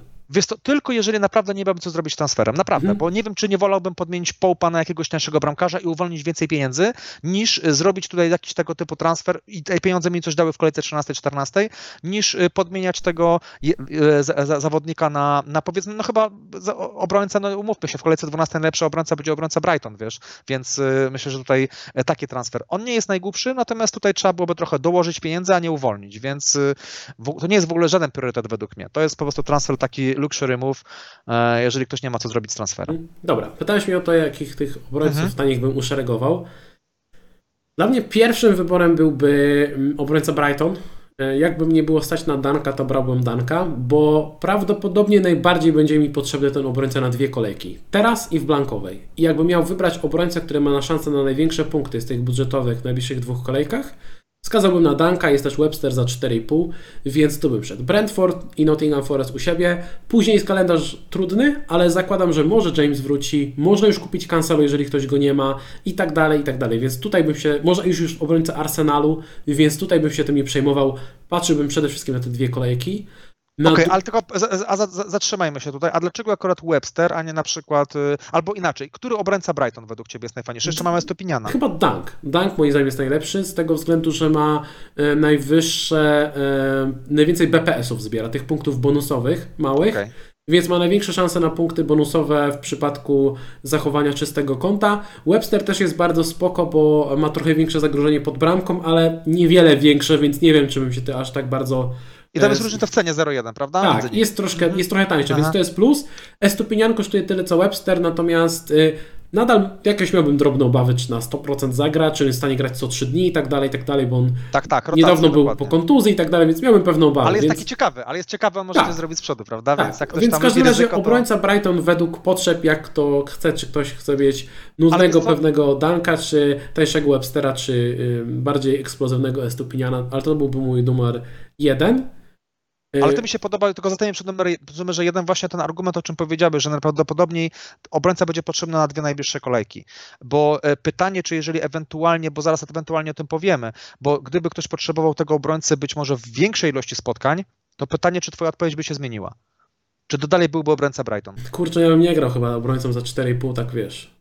Okay. Na stałym składzie. Chyba, chyba, chyba by się bardzo nie zmieniła. Jeszcze przejdę teraz do kolejnych opcji. Druga opcja to byłby okay. chyba Guay bo jest taniej, 4-3 i kalendarz do końca do mundialu jest dobry. I tutaj może to, to byłaby odpowiedź trochę na Twoje pytanie, że Guay jakbym mhm. musiał na upartego nim grać, to może bym nie grał, ale patrząc na statystyki defensywne Crystal Palace, nie wygląda to zbyt dobrze. Ja zakładam, że tak jak Bowen zaczął punktować e, i zaczął punktować e, Madison i tak dalej, tak samo zawodnicy Palace zaczną punktować i to już było widać w tym poprzednim meczu, że i Eduard, i Zaha, i Eze, i Oli zdali punkty z przodu, więc myślę, że w defensywie też zaczną dawać punkty, bo, bo to jest e, dobra ekipa i mają bardzo dobrego trenera. I myślę, że te statystyki defensywne, oni wyjdą na prostą i myślę, że tam do tego mundialu, nie wiem, z dwa CS-y wpadną. Taki CS co trzy spotkania od gościa za 4-3 to była moim zdaniem bardzo uczciwa cena, nie? Tylko wiesz co, można było to trochę odwrócić i powiedzieć, że skoro Guay ma Leicester, Wilki, Everton i Southampton, można powiedzieć, że te ekipy też teraz mają fajne CS-y i, i tak, dzięki fa- temu fajne, fajne fiksy, nie? Nie? Więc wiesz, to, to jest fajny fix dla obu tych drużyn, tak. nie? O, z obu stron to Ale jest wiesz, fajny patrzę fix. Na to, patrzę na to Wolverhampton i tam jest tylko Diego Costa, nie? Ja wiem, że jak teraz to powiedziałem, to ja już wiem, że mi zdejmie tego CS-a w kolejce 12, tak, ale tak. ten atak wygląda źle Wolverhampton. Oni mają najmniej strzelonych goli i patrząc na tę kolejkę 12 Wolverhampton home, liczę, że tam ten CS będzie i to byłby, bo Leicester, myślę, że Leicester coś jest w stanie strzelić Crystal Palace. Natomiast y, może to Wolverhampton y, uda się jakiegoś tego CS-a zrobić. A numer 3, powiem Ci, że chyba bym poszedł w Bena White'a. Mimo tego Blanka, mimo okay. wszystko, bo to jest opcja zawodnika, którego można przetrzymać dłużej. To jest najtańsze wejście w obronę Arsenalu, która jest y, jedną z najlepszych defensyw w całej lidze. Kalendarz do kolejki 16 jest super. Skład ma praktycznie pewny. Jeżeli chodzi o statystyki ofensywne, to wygląda to lepiej niż w poprzednich sezonach, bo te pierwsze występy White'a były takie dosyć nieśmiałe na tej prawej obronie, ale widać, że on z każdym meczem czuje się coraz lepiej, coraz częściej teraz idzie na obieg, potrafi e, włączyć się w akcję ofensywną, zaczął zaliczać asysty. Tych asyst ma co prawda jedną, ale tych kluczowych podań ma już coraz więcej. Więc chyba bym poszedł w Bena White'a pomimo tego Blanka. I wydaje mi się, że to nie jest jakaś wielka kontrowersja, jeżeli powiem, że Ben White zachowa więcej CS-ów pomimo tego Blanka do Mistrzostw Świata od jakiegoś Justina. Okej, okay, ale teraz pytanie. Rozumiem, że wtedy tym, tym, tym e, obrońcą Arsenalu, już ktokolwiek miałby to być, grasz, rozumiem, w każdej kolejce. Już. Tak, i to byłaby opcja, że mógłbym grać. Wyobrażam sobie, że byłbym w stanie grać e, obroną Cancelo Trippier White od kolejki 13 do 16 nadal. I dlatego White mi się w miarę podoba, bo uwalniasz kasę, bierzesz gościa, który gra w tej kolejce, może dać jakieś punkty do końca sezonu i możesz sobie tą pozycję zostawić i on sobie siedzi, gra i, i punkty i tak olewasz trochę tego obrońcę, bo e, branie teraz e, gościa za 4,5 jednego i podmiana na innego gościa za 4,5 za dwie, dwie kolejki, to mi się w ogóle nie podoba. Znaczy wiesz, tutaj nie wiem, jeżeli pamiętasz, jak rozmawialiśmy w zeszłym tygodniu, to mój plan taki trochę był, żeby tego White'a od 13 wziąć i grać tym White'em, natomiast plan był taki, żeby zrobić to za Trippiera. No teraz trochę mi się to jednak zmieniło, no, tak. e, ale, ale, rozważałem faktycznie też, więc tutaj, tutaj z tobą się zgadzam co do, co do White'a, e, bo nawet powiem ci, że White właśnie całkiem nieźle wygląda e, i nawet nie wiem, czy nie będzie ciekawszą opcją od Saliby na przykład, nie? Więc e, faktycznie tutaj e, tak wzięcie ten blank faktycznie wszystko psuje, bo i, i przez to trochę ta optyka się zmienia, bo tak byśmy w ogóle się nie zastanawiali zastanawiali, prawda? Byłby White i każdy by tego White'a miał w składzie na 100%. Natomiast jeden blank już powoduje kompletną zmianę. Tak. A teraz wyobraźmy sobie, że w tych czterech spotkaniach e, zawodnik, którego weźmiemy, wystarczy, że ma tylko jednego blanka w kolejce 12 i już White by nam się, że tak powiem, zwrócił. Mamy super obrońcę, którym możemy grać cały czas. Więc wiesz, ja ci powiem, że dalej ja, grając... ci, dodam, dodam, tylko jedną Aha. rzecz w kontekście White'a. Bardzo blisko by był u mnie Johnny lub Killman e, z Wolverhampton. Myślę, że tam też jest potencjał, oni statystyki defensywne mają niezłe, tylko zastanawiam się, y, tylko to byłby taki też obrońca typowo na max dwie kolejki, nie? Bo jest Nottingham Forest i Crystal Palace. No później jeszcze można go wystawić na Leicester czy coś, ale nie chciałbym docelowo grać tym e, raczej no obrońcą Wolverhampton. A tego White'a mógłbym zostawić, więc myśląc, no i znowu, to może jest mój błąd, nie? Może nie powinienem tak myśleć, ale myśląc gdzieś tam dalej o następnych kolejkach i tym, jakie chcę ruchy kolejne wykonać, to ten White już wiem, że miałbym go w składzie, dobra, niech sobie leży ten obrońca Arsenalu i pewnie te ileś CS-ów wpadnie. A powiedz mi, jakie by było to, twoje top 3 obrońców? Wiesz co, ja podchodzę podobnie jak ty, więc dlatego tak trochę tylko uzupełniałem, bo nie chciałbym powtarzać tego, co mówiłeś. E, mi się bardzo by podobał Zuma, gdyby nie jeden malutki problem, że wtedy, kiedy bym go najbardziej potrzebował, to gra z Liverpoolem na wyjeździe. I co by o Liverpoolu nie mówić, umówmy się, tam ciężko będzie o CS-a. Natomiast według mnie e, e, obrona West Hamu wygląda całkiem nieźle, kolejki mają bardzo fajne, e, więc na pewno ten Zuma byłby wysoko. Natomiast w związku z tym, że jest, jest ten Liverpool, e, uszeregowałbym to podobnie jak ty. E, jeżeli nie oczywiście kasa nie byłaby problemem, e, to tutaj e, obrońca e, Brighton w pierwszej kolejności, wydaje mi się, że ten Webster patrzyłbym na te 0-1 nawet, żeby gdzieś tam tą kasę sobie uwolnić za 4,5, na drugim miejscu Guay, na trzecim miejscu wiesz co, ten, ten White, ok, to jest bardzo sensowne wszystko, co powiedziałeś ja z tym się zgadzam, natomiast no, fakt, że celowo biorę obrońcę i gram o jednego mniej w kolejce 12, nie lubię takiego podejścia. Może to jest błąd, ja bym chyba jednak na trzecim miejscu postawił jednak obrońcę Wolverhampton tylko po to, że zagramy w tej kolejce 12. Wiem, że to brzmi śmiesznie i prawdopodobnie tam nie będzie CS-a, prawda? Natomiast gdzieś tam ciężko było mi to kliknąć i powiem Ci, na, na, naprawdę bym y, grubo, znaczy ja, według, według mnie nie ma tutaj opcji y, trzech, to są dwie opcje. E, ta trzecia opcja chyba faktycznie, nie wiem, czy nie lepiej byłoby, tak jak teraz sam powiedziałem to na głos, czy nie lepiej byłoby pójść tego White'a i machnąć ręką na tę kolejkę 12. Natomiast pytanie, czy faktycznie potrzebowałbym White'a, White'a od kolejki 13, bo jeżeli planuję grać y, Cancelo, Jamesem i Trypierem, to jest trochę marnowanie tak takiej opcji wzięcia White'a, bo jest najlepszym, ale nie zagram wtedy, kiedy go tak naprawdę potrzebował. I to jest trochę bez sensu. Więc tutaj zależałoby od tego, kto ma jaki pomysł. Jeżeli biorę White'a i mam plan grać, to faktycznie chyba przełknąłbym Blanka, ale jeżeli, tak jak ja na przykład w składzie mam Cancelo, Jamesa i Trippiera i liczę na to, że nimi zagram do kolejki 16, to ten White y, trochę bez sensu, żebym go miał na ławce jako pierwszego nawet do wejścia i celowo biorę takiego obrońcę, który ma Blanka w 12, więc A, to mi tu, się nie podoba. Tu masz, tu masz rację, poza tym blokujemy slot Arsenalu i może mu się tak ułożyć Też. gwiazdy, że zaraz szablonem będzie Jesus Saka Martinelli i to byłby wtedy problem, nie? Ten White na, na ławce, Tak, tak, do, dokładnie. A może nawet, może nawet Ramsdale, bo mamy na przykład w naszym przypadku mamy Popa, który kosztuje więcej. Gdybym potrzebował jakieś 0-1-0-2, nie wiem, czy takiej podmianki by nie szukał. Pop na Ramsdale'a i powiedzmy tutaj gdzieś uwolnić sobie kasę, a mieć fajnego bramkarza. Nie? Więc ja myślę, że tutaj są tylko dwie opcje y, do, do, do wyboru między Guayem a obrońcą Brighton bym wybierał. Hmm.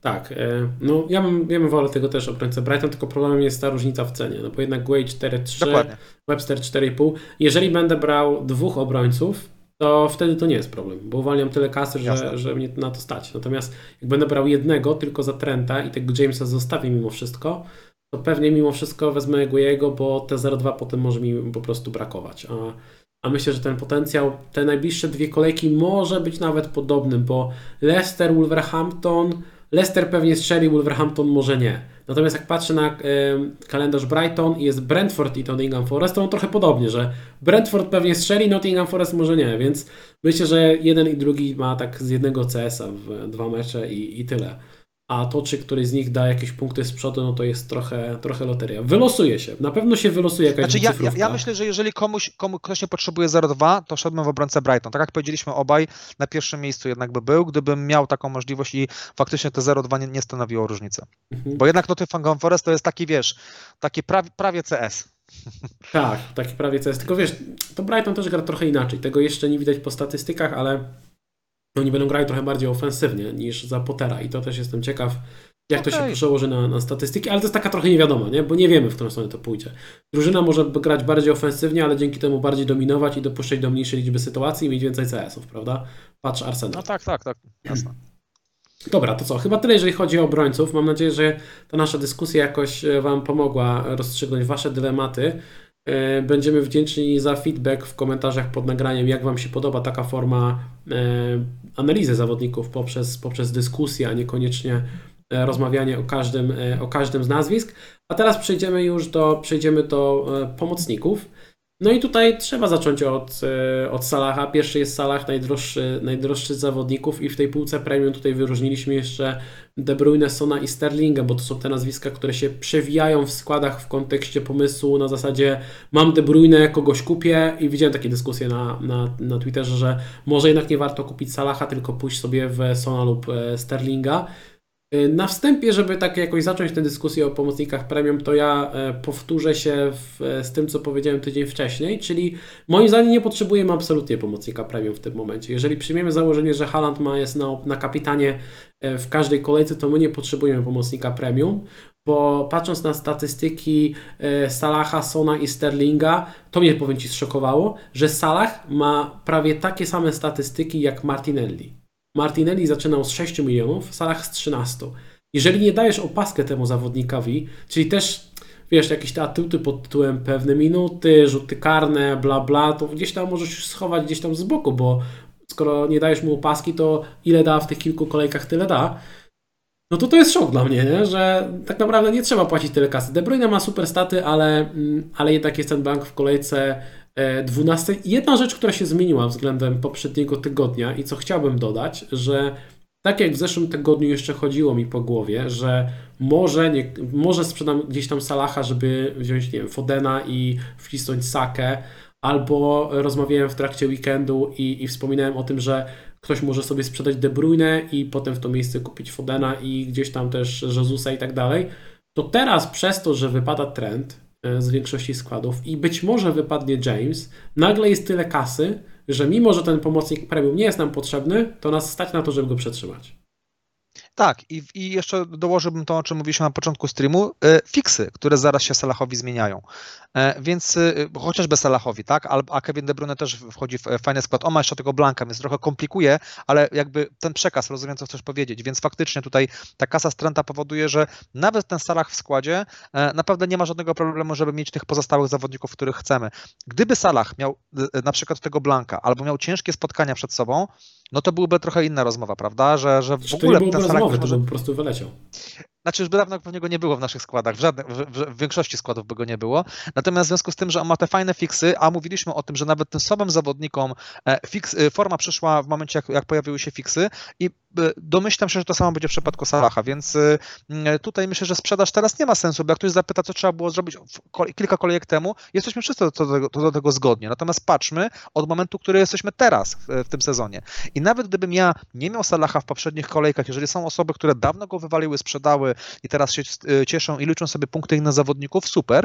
Natomiast też powinny taką decyzję podjąć i się zastanowić, czy przypadkiem nie wskoczyć na Salaha w kolejce 12 czy 13, e, a zwłaszcza w 12, bo powiedzmy tutaj e, jeszcze jest fajną opcją na kapitana, no w kolejce 13 też, natomiast tam już gra znowu Haland, więc pytanie, czy to mimo wszystko nie jest fajny moment, żeby gdzieś do tego Salaha wrócić? I myślę, że to nie jest wcale, wcale głupi pomysł, a zwłaszcza osoby, natomiast tam faktycznie rozumiem kwestię do, do rozważenia i podejrzewam, że te, ta kasa jest trochę bardziej rozłożona na inne pozycje. I pewnie, jeżeli to byłoby jakimś problemem, to ok, ktoś powie bez sensu, nie będę robił minus 4, w porządku. Natomiast w sytuacji, w której my jesteśmy, jeżeli ktoś teraz ma Salaha, który mamy z City, a za chwilkę ma, nie ma Blanka i wchodzi w e, spotka- trzy super spotkania według mnie, z, tego, z czego dwa, dwa u siebie w domu, e, no to myślę, że to chyba jest oczywistością, że trzymamy Salaha. Jeżeli ktoś teraz twierdzi, że oczywistym jest wywalenie Salaha w sytuacji, kiedy mamy kontuzję Arnolda, kontuzję Jamesa, e, nie mam pomocnika, czy za chwilkę będę miał problem z innymi zawodnikami, Mitrowicz się świeci i ktoś powie, że teraz mam wywalać Salaha, no to nie mamy o czym rozmawiać, bo ja ci trochę, nie rozumiem ja, trochę... ja, ja, ci trochę odbiję piłeczkę, a patrz, a co jeżeli ktoś nie ma Trenta, bo nie każdy jest taki naiwny i miał tego Trenta. Nie, okej, okay, nie, ja tylko mówię o naszej sytuacji. Tak, jeżeli tak, ktoś tak, do tak, mnie mówi, jasne, jasne. patrząc na mój skład i mówi, że mam sprzedawać Salaha, no to ja się pytam, no, no, nie, no chyba co, nie. Że no większość, chyba większość nie. patrzy przez pryzmat swojego składu i swoich decyzji, nie? I teraz są okay, osoby, które okay. wiesz, które mogą sobie na przykład pozwolić, żeby tego Jamesa przetrzymać i tak jak sami mówiliśmy, nie bardzo chce kogo za niego kupić. Y, mhm. Trenta nie każdy ma, większość nie. I teraz, jak ktoś by ci zaproponował, żeby podmienić sobie tego Salaha i Mitrowicza, który się świeci, na Keina i jakiegoś pomocnika, to już jest inna dyskusja. Bo, bo to jest. Yy, Kane może nie Jakiego jest. pomocnika? No, pomocników jest do wyboru całe mnóstwo, wiesz. Zaha, Ale moment, bo Zaha, jeżeli, nie, jeżeli nie, mam. Nie mam Trenta, to, to domyślam się, że to osoby, tak jak mówisz, które nie mają Trenta, bo są w innej sytuacji, e, jeżeli mają na przykład e, Trossarda, czy Madisona, czy tych innych zawodników, no ja bym się grubo zastanawiał, czy taki ruch bym zrobił, bo wiem, wiem do czego dążysz, tak, że tego Salaha na Keina i oczywiście za darmo, tak, bo rozumiem, tak, że mam no dwa wiesz, za hita pewnie, za hita raczej nie warto, nie, no bo myślę, że branie za hita Keina, któremu i tak się nie da opaski, bo, bo wszyscy raczej dadzą Halandowi, to tak się średnio kalkuluje, ale za darmowe transfery, jeżeli ktoś ma na tyle komfortową sytuację, to ja to rozumiem i tak samo zastanowiłbym się, yy, czy na pewno Salah, czy jakbyś miał teraz De Bruyne, to wiadomo, trzymamy go w kolejce 11. Uważasz, że mm, jak usiądziemy do tej rozmowy za kilka dni przed kolejką 12, na pewno Salah będzie takim oczywistym przeskokiem, a nie właśnie Son, a może Sterling, może, a może jeszcze tańszy pomocnik, może lepiej pójść, nie wiem, e, w Trossarda, Zachę albo albo Madisona, albo kogoś innego i uwolnioną kasę na przykład wykorzystać na zakup e, napastnika Liverpoolu. Czy wiesz, to będzie ciekawa dyskusja, bo powiem Ci, że tutaj te osoby, to będzie wszystko zależne od tego, kto, kto jaką ma sytuację w składzie. Jeżeli powiedzmy ktoś nie ma jak tego Salaha kupić, tak? Albo nie chce go z jakichś powodów kupować i twierdzi, że ma Kane'a w składzie, bo dużo osób jest już z Kane'em w składzie i twierdzi, że w kolejce 12 Dekanowi opaskę, super. Jeżeli są osoby, które mają Trossarda i tak się przygotowały, czy kupią Trossarda w kolejce 12, jemu dadzą opaskę, super. Jeżeli są osoby tak jak my, które mają Salaha i w kolejce 12 dadzą opaskę na Salaha, też ok. Więc uważam, że te wszystkie wybory są z racji, nie, nie wierzyłem, że o tym powiem, ale y, Salah na kapitanie czy Trossard na kapitanie, obie opcje są spoko i obie opcje mogą dać podobną liczbę punktów. No właśnie, bo Salah nie jest taką oczywistą opaską w tej kolejce tak, 12, nie? Tak, ale trochę się z tego cieszę, bo taką mam, mam troszeczkę nadzieję właśnie, że doszliśmy już do momentu, gdzie zaraz te mm, fiksy się zmieniają. No i wiesz, no kiedy jak nie teraz, nie? Bo to, to, to nie, ja nie mówię tego przed meczem z Arsenalem, kiedy jak nie teraz, czy przed meczem City, ale przed meczem z West Hamem, czy z Nottingham Forest, no i Leeds. Kiedy jak nie teraz? No jeżeli wiesz, jeżeli Salah w tych trzech meczach, pomijam City, w trzech, trzech meczach, przynajmniej w jednym z nich nie zrobi dwucyfrówki, a, a przynajmniej w drugim co najmniej jednej bramki nie strzeli, no to będzie naprawdę jakaś Czyli masakra. oczekujesz nie? od Salaha trzech zwrotów w czterech kolejkach. Tak. Czyli mówię, patrzysz na Salaha trochę jak na takiego pomocnika za 7-8 baniek, yy, który po prostu jest droższy, ale cię stać. I ma, I ma bardzo fajne fiksy. I nie widzę powodu, dla którego miałbym sprzedawać. I, a, a pomijam drugą kwestię, że trochę na tym Salachu mogę się odkuć, bo jego punkty bardzo dużo nam dadzą, czy osob, osobom, które mają tego Salaha. E, gdyby nie było Blanka, to byłaby trochę inna dyskusja, bo faktycznie wtedy powiedzmy mając e, z miejsca Salaha jakiegoś Fodena, czy, inno, czy, czy, czy Sakę i roz, rozłożenie tych środków byłoby ok, ale jest ten Blank przez to ten Salah właśnie jest takim wyborem dużo lepszym w tej, w tej kolejce 12 i 13. W swoich oczach Salah w tym momencie nie różni się za bardzo od takich pików jak Madison, Zaha, e, czy, czy nie wiem, czy Bowen. Znaczy nie. Czy e, e, e, Madison, Zaha, tak. Bowen, Trossard, jest... Salah. Czy to jest, możemy wrzucić do jednej... formę? Znaczy na ten moment, tak, no. Tak, tak, na ten, na, na ten moment tak. Natomiast myślę, że od kolejki 12 Salah zdobędzie więcej punktów niż to nazwisko, o których powiedziałeś. No okej. Okay. Myślę, że jest taka szansa, ale, ale powiem Ci, że Na... nawet małego palca u lewej ręki by sobie nie dał obciąć. Yy, znaczy wiesz, jeżeli to się nie stanie, no to po prostu, no, no, oczywiście tak może być, tak? Natomiast ja tego nie zakładam. Zakładam, że co by nie mówić o Liverpoolu, co by nie mówić o Salachu, w tych trzech kolejkach, zwłaszcza w meczu z Nottingham Forest z Leeds, yy, no muszą przejść te punkty, okay. po prostu muszą. A to jeszcze mi powiedz, dlaczego nie Son i nie Sterling z opcji premium? Ale pytanie, czy, czy, Sterling czy jest taką super opcją? Patrzę sobie też na ten kalendarz. E, Aston Villa super. Ok, to jest, to jest bardzo fajny fix. E, natomiast patrzę Brentford na wyjeździe, Manchester i Brighton na wyjeździe. Nie podobają mi się te fiksy nie widzę tutaj takiej opcji, że Sterling gdzieś tam e, porobi dwucyfrówki w tych spotkaniach.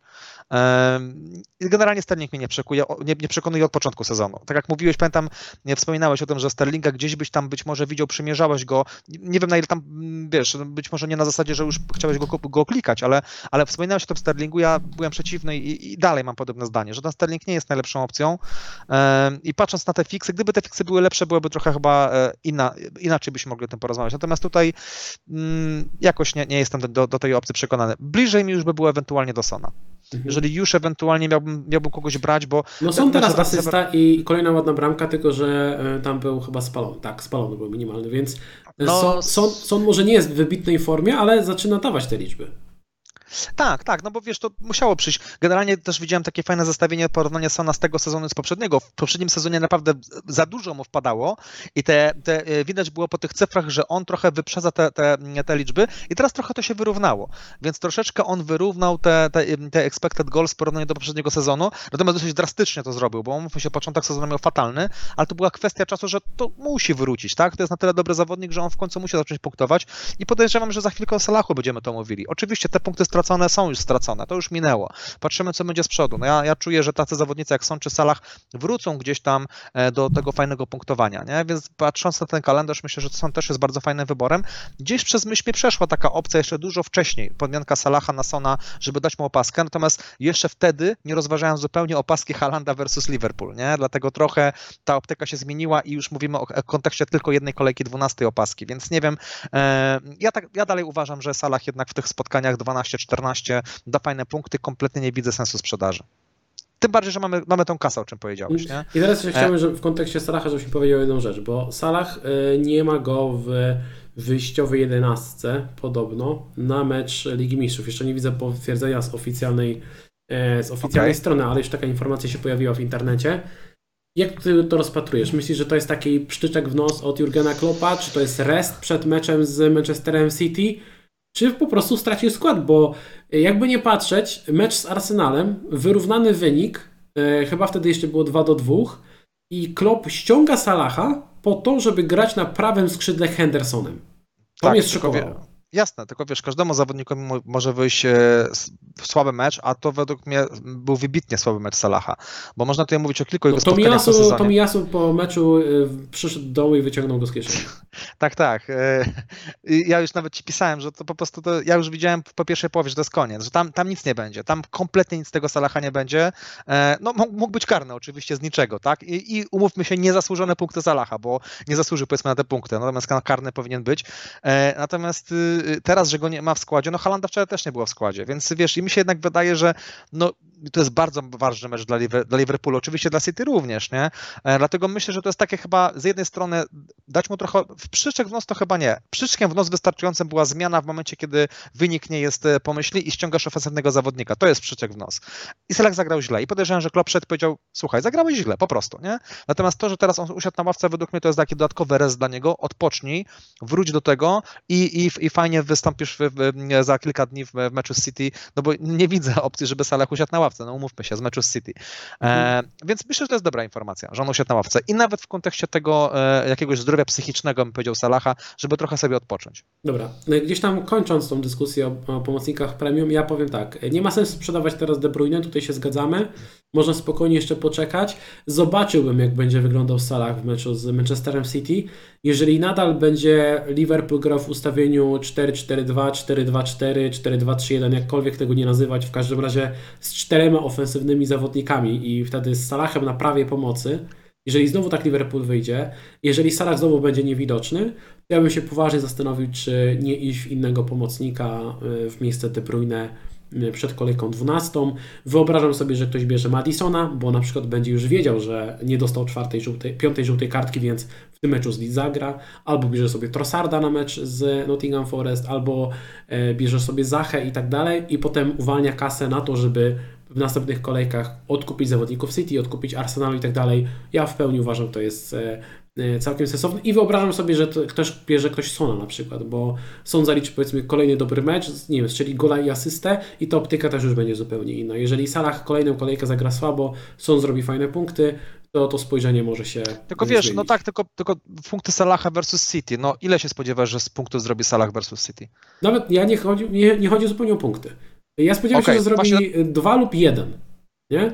Ale znaczy, wiesz, ale dla mnie, dla mnie tak. wiesz, ja wiem, że to jest moje takie dziwne spojrzenie, ale ja nie patrzę na punkty.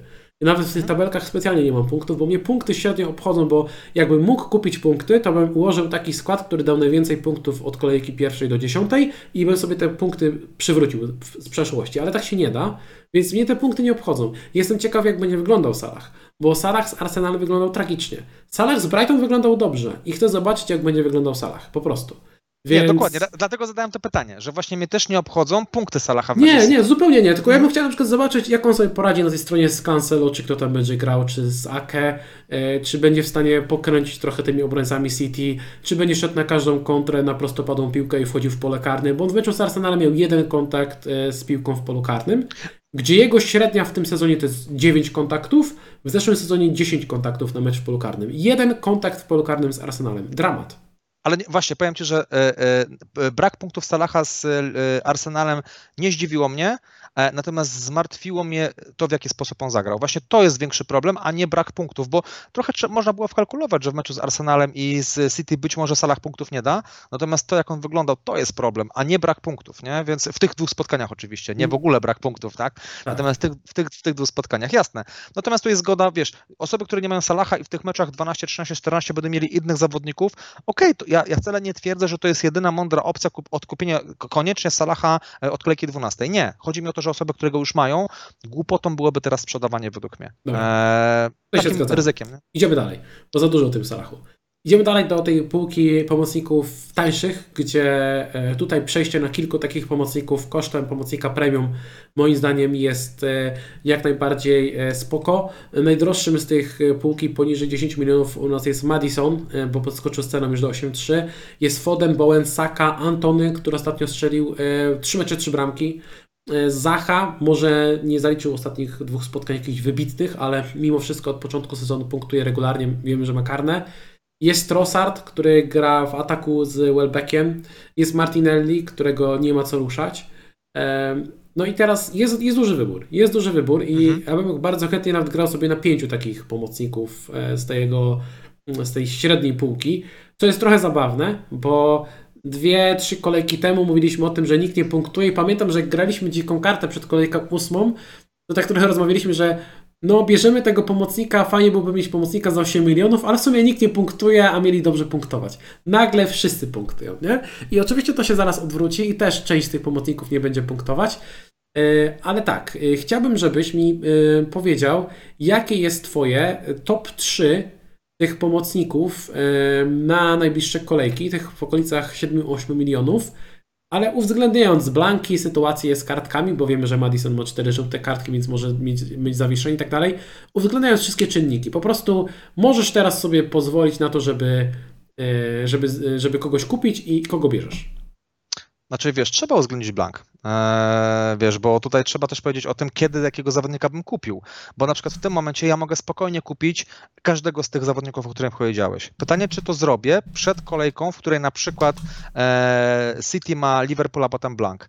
E, albo Arsenal, który ma fajne spotkania co prawda z Leeds, ale potem też blank. I teraz zastanawiam się, na ile sensowny jest zakup tych zawodników już teraz, a na ile zaplanowanie sobie tak ruchów, żeby mógł płynnie tych zawodników wziąć kolej, od kolejki 13.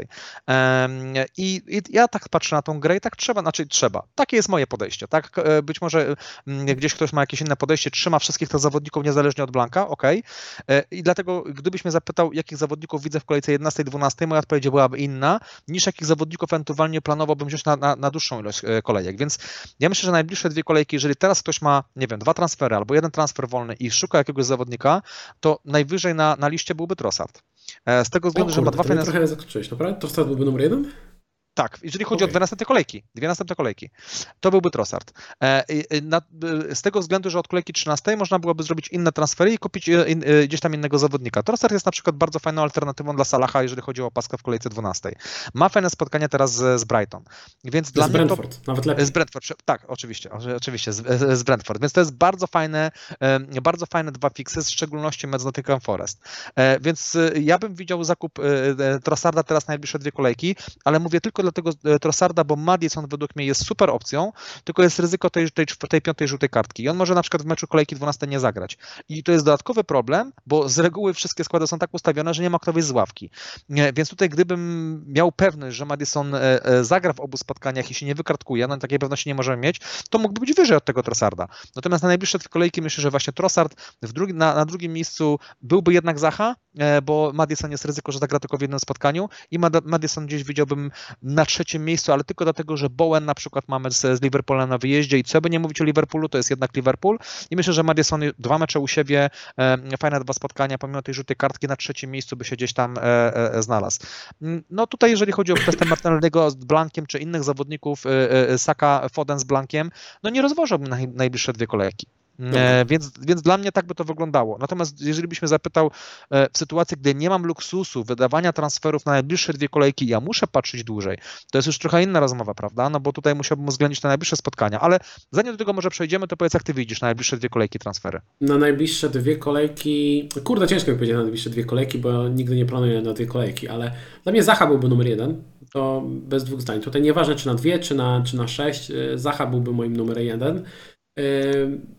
Super kalendarz, gra w tym blanku, e, e, staty ma dobre, ma karne, pewny, pewny skład, gra w dobrej drużynie, jest taką najważniejszą postacią. No nie widzę minusów, naprawdę. I do tego jest stosunkowo tani, jeżeli sobie porównamy te ceny też e, tych, tych innych pomocników z tego progu cenowego, więc to jest duży plus. Na drugim miejscu miałbym Chyba Trossarda, ale tutaj nie jestem aż tak, aż tak e, przekonany jak ty. Oglądałem sobie specjalnie highlighty tego meczu z Brighton i co mi się podoba w Trossardzie, że on naprawdę... Ze Spurs. Yy, tak, przepraszam, Brighton z Tottenhamem, tak. Mimo, że tych punktów nie dał, on wyglądał naprawdę dobrze, bo każdy gdzieś tam strzał, każda akcja to albo Trossard podawał, albo on już wychodził, wchodził w pole karne i czekał na podanie jakieś od Welbecka.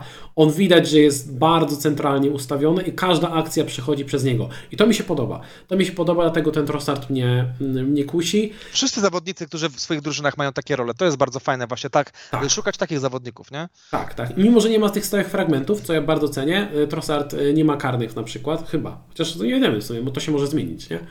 Nie, no e, McAllister chyba, tak? McAllister tam strzela, no. Wy, no. Ale chyba, że za nowego trenera jeszcze nie było karnego, ale wątpię, żeby A, aż okay. tak postawił, nie? Że, żeby, żeby dał komuś karny. W każdym razie, no nie ma karnych, to jest, to jest jakimś minusem, ale mimo wszystko y, Trossard był u mnie też wysoko. I na trzecim miejscu powiem Ci, że Ach, chyba znowu miałbym tego Boena nad Madisonem. Chyba znowu miałbym Naprawdę? Boena nad Madisonem. Chyba tak, ze względu na tą, na tą kartę. Cztery na te, kartki. Na te kartki. Okay. To jest duży tak, problem. Tak, tak. Wiem, że ja bym się zagotował, jakbym kupił e, Madisona, on by dostał kartkę z Palace i by mi nie zagrał z Leeds. Po Jeszcze prostu... zblankował. Tak. Jeszcze zblankował i kartkę dostał. Tak, więc ja wiem, że byłbym po prostu wściekły, a Bowen, kalendarz ma dobry West Ham, aż praktycznie okay. do Mistrzostw Świata. E, Bowen wygląda dobrze. W ostatnim meczu mógł spokojnie zrobić więcej punktów, nie tylko ten e, gol z karnego. Tam z kilku metrów strzelił w bramkarza. Generalnie bardzo dobrze wygląda w ostatnich meczach. Widać, że jest dobrze dysponowany.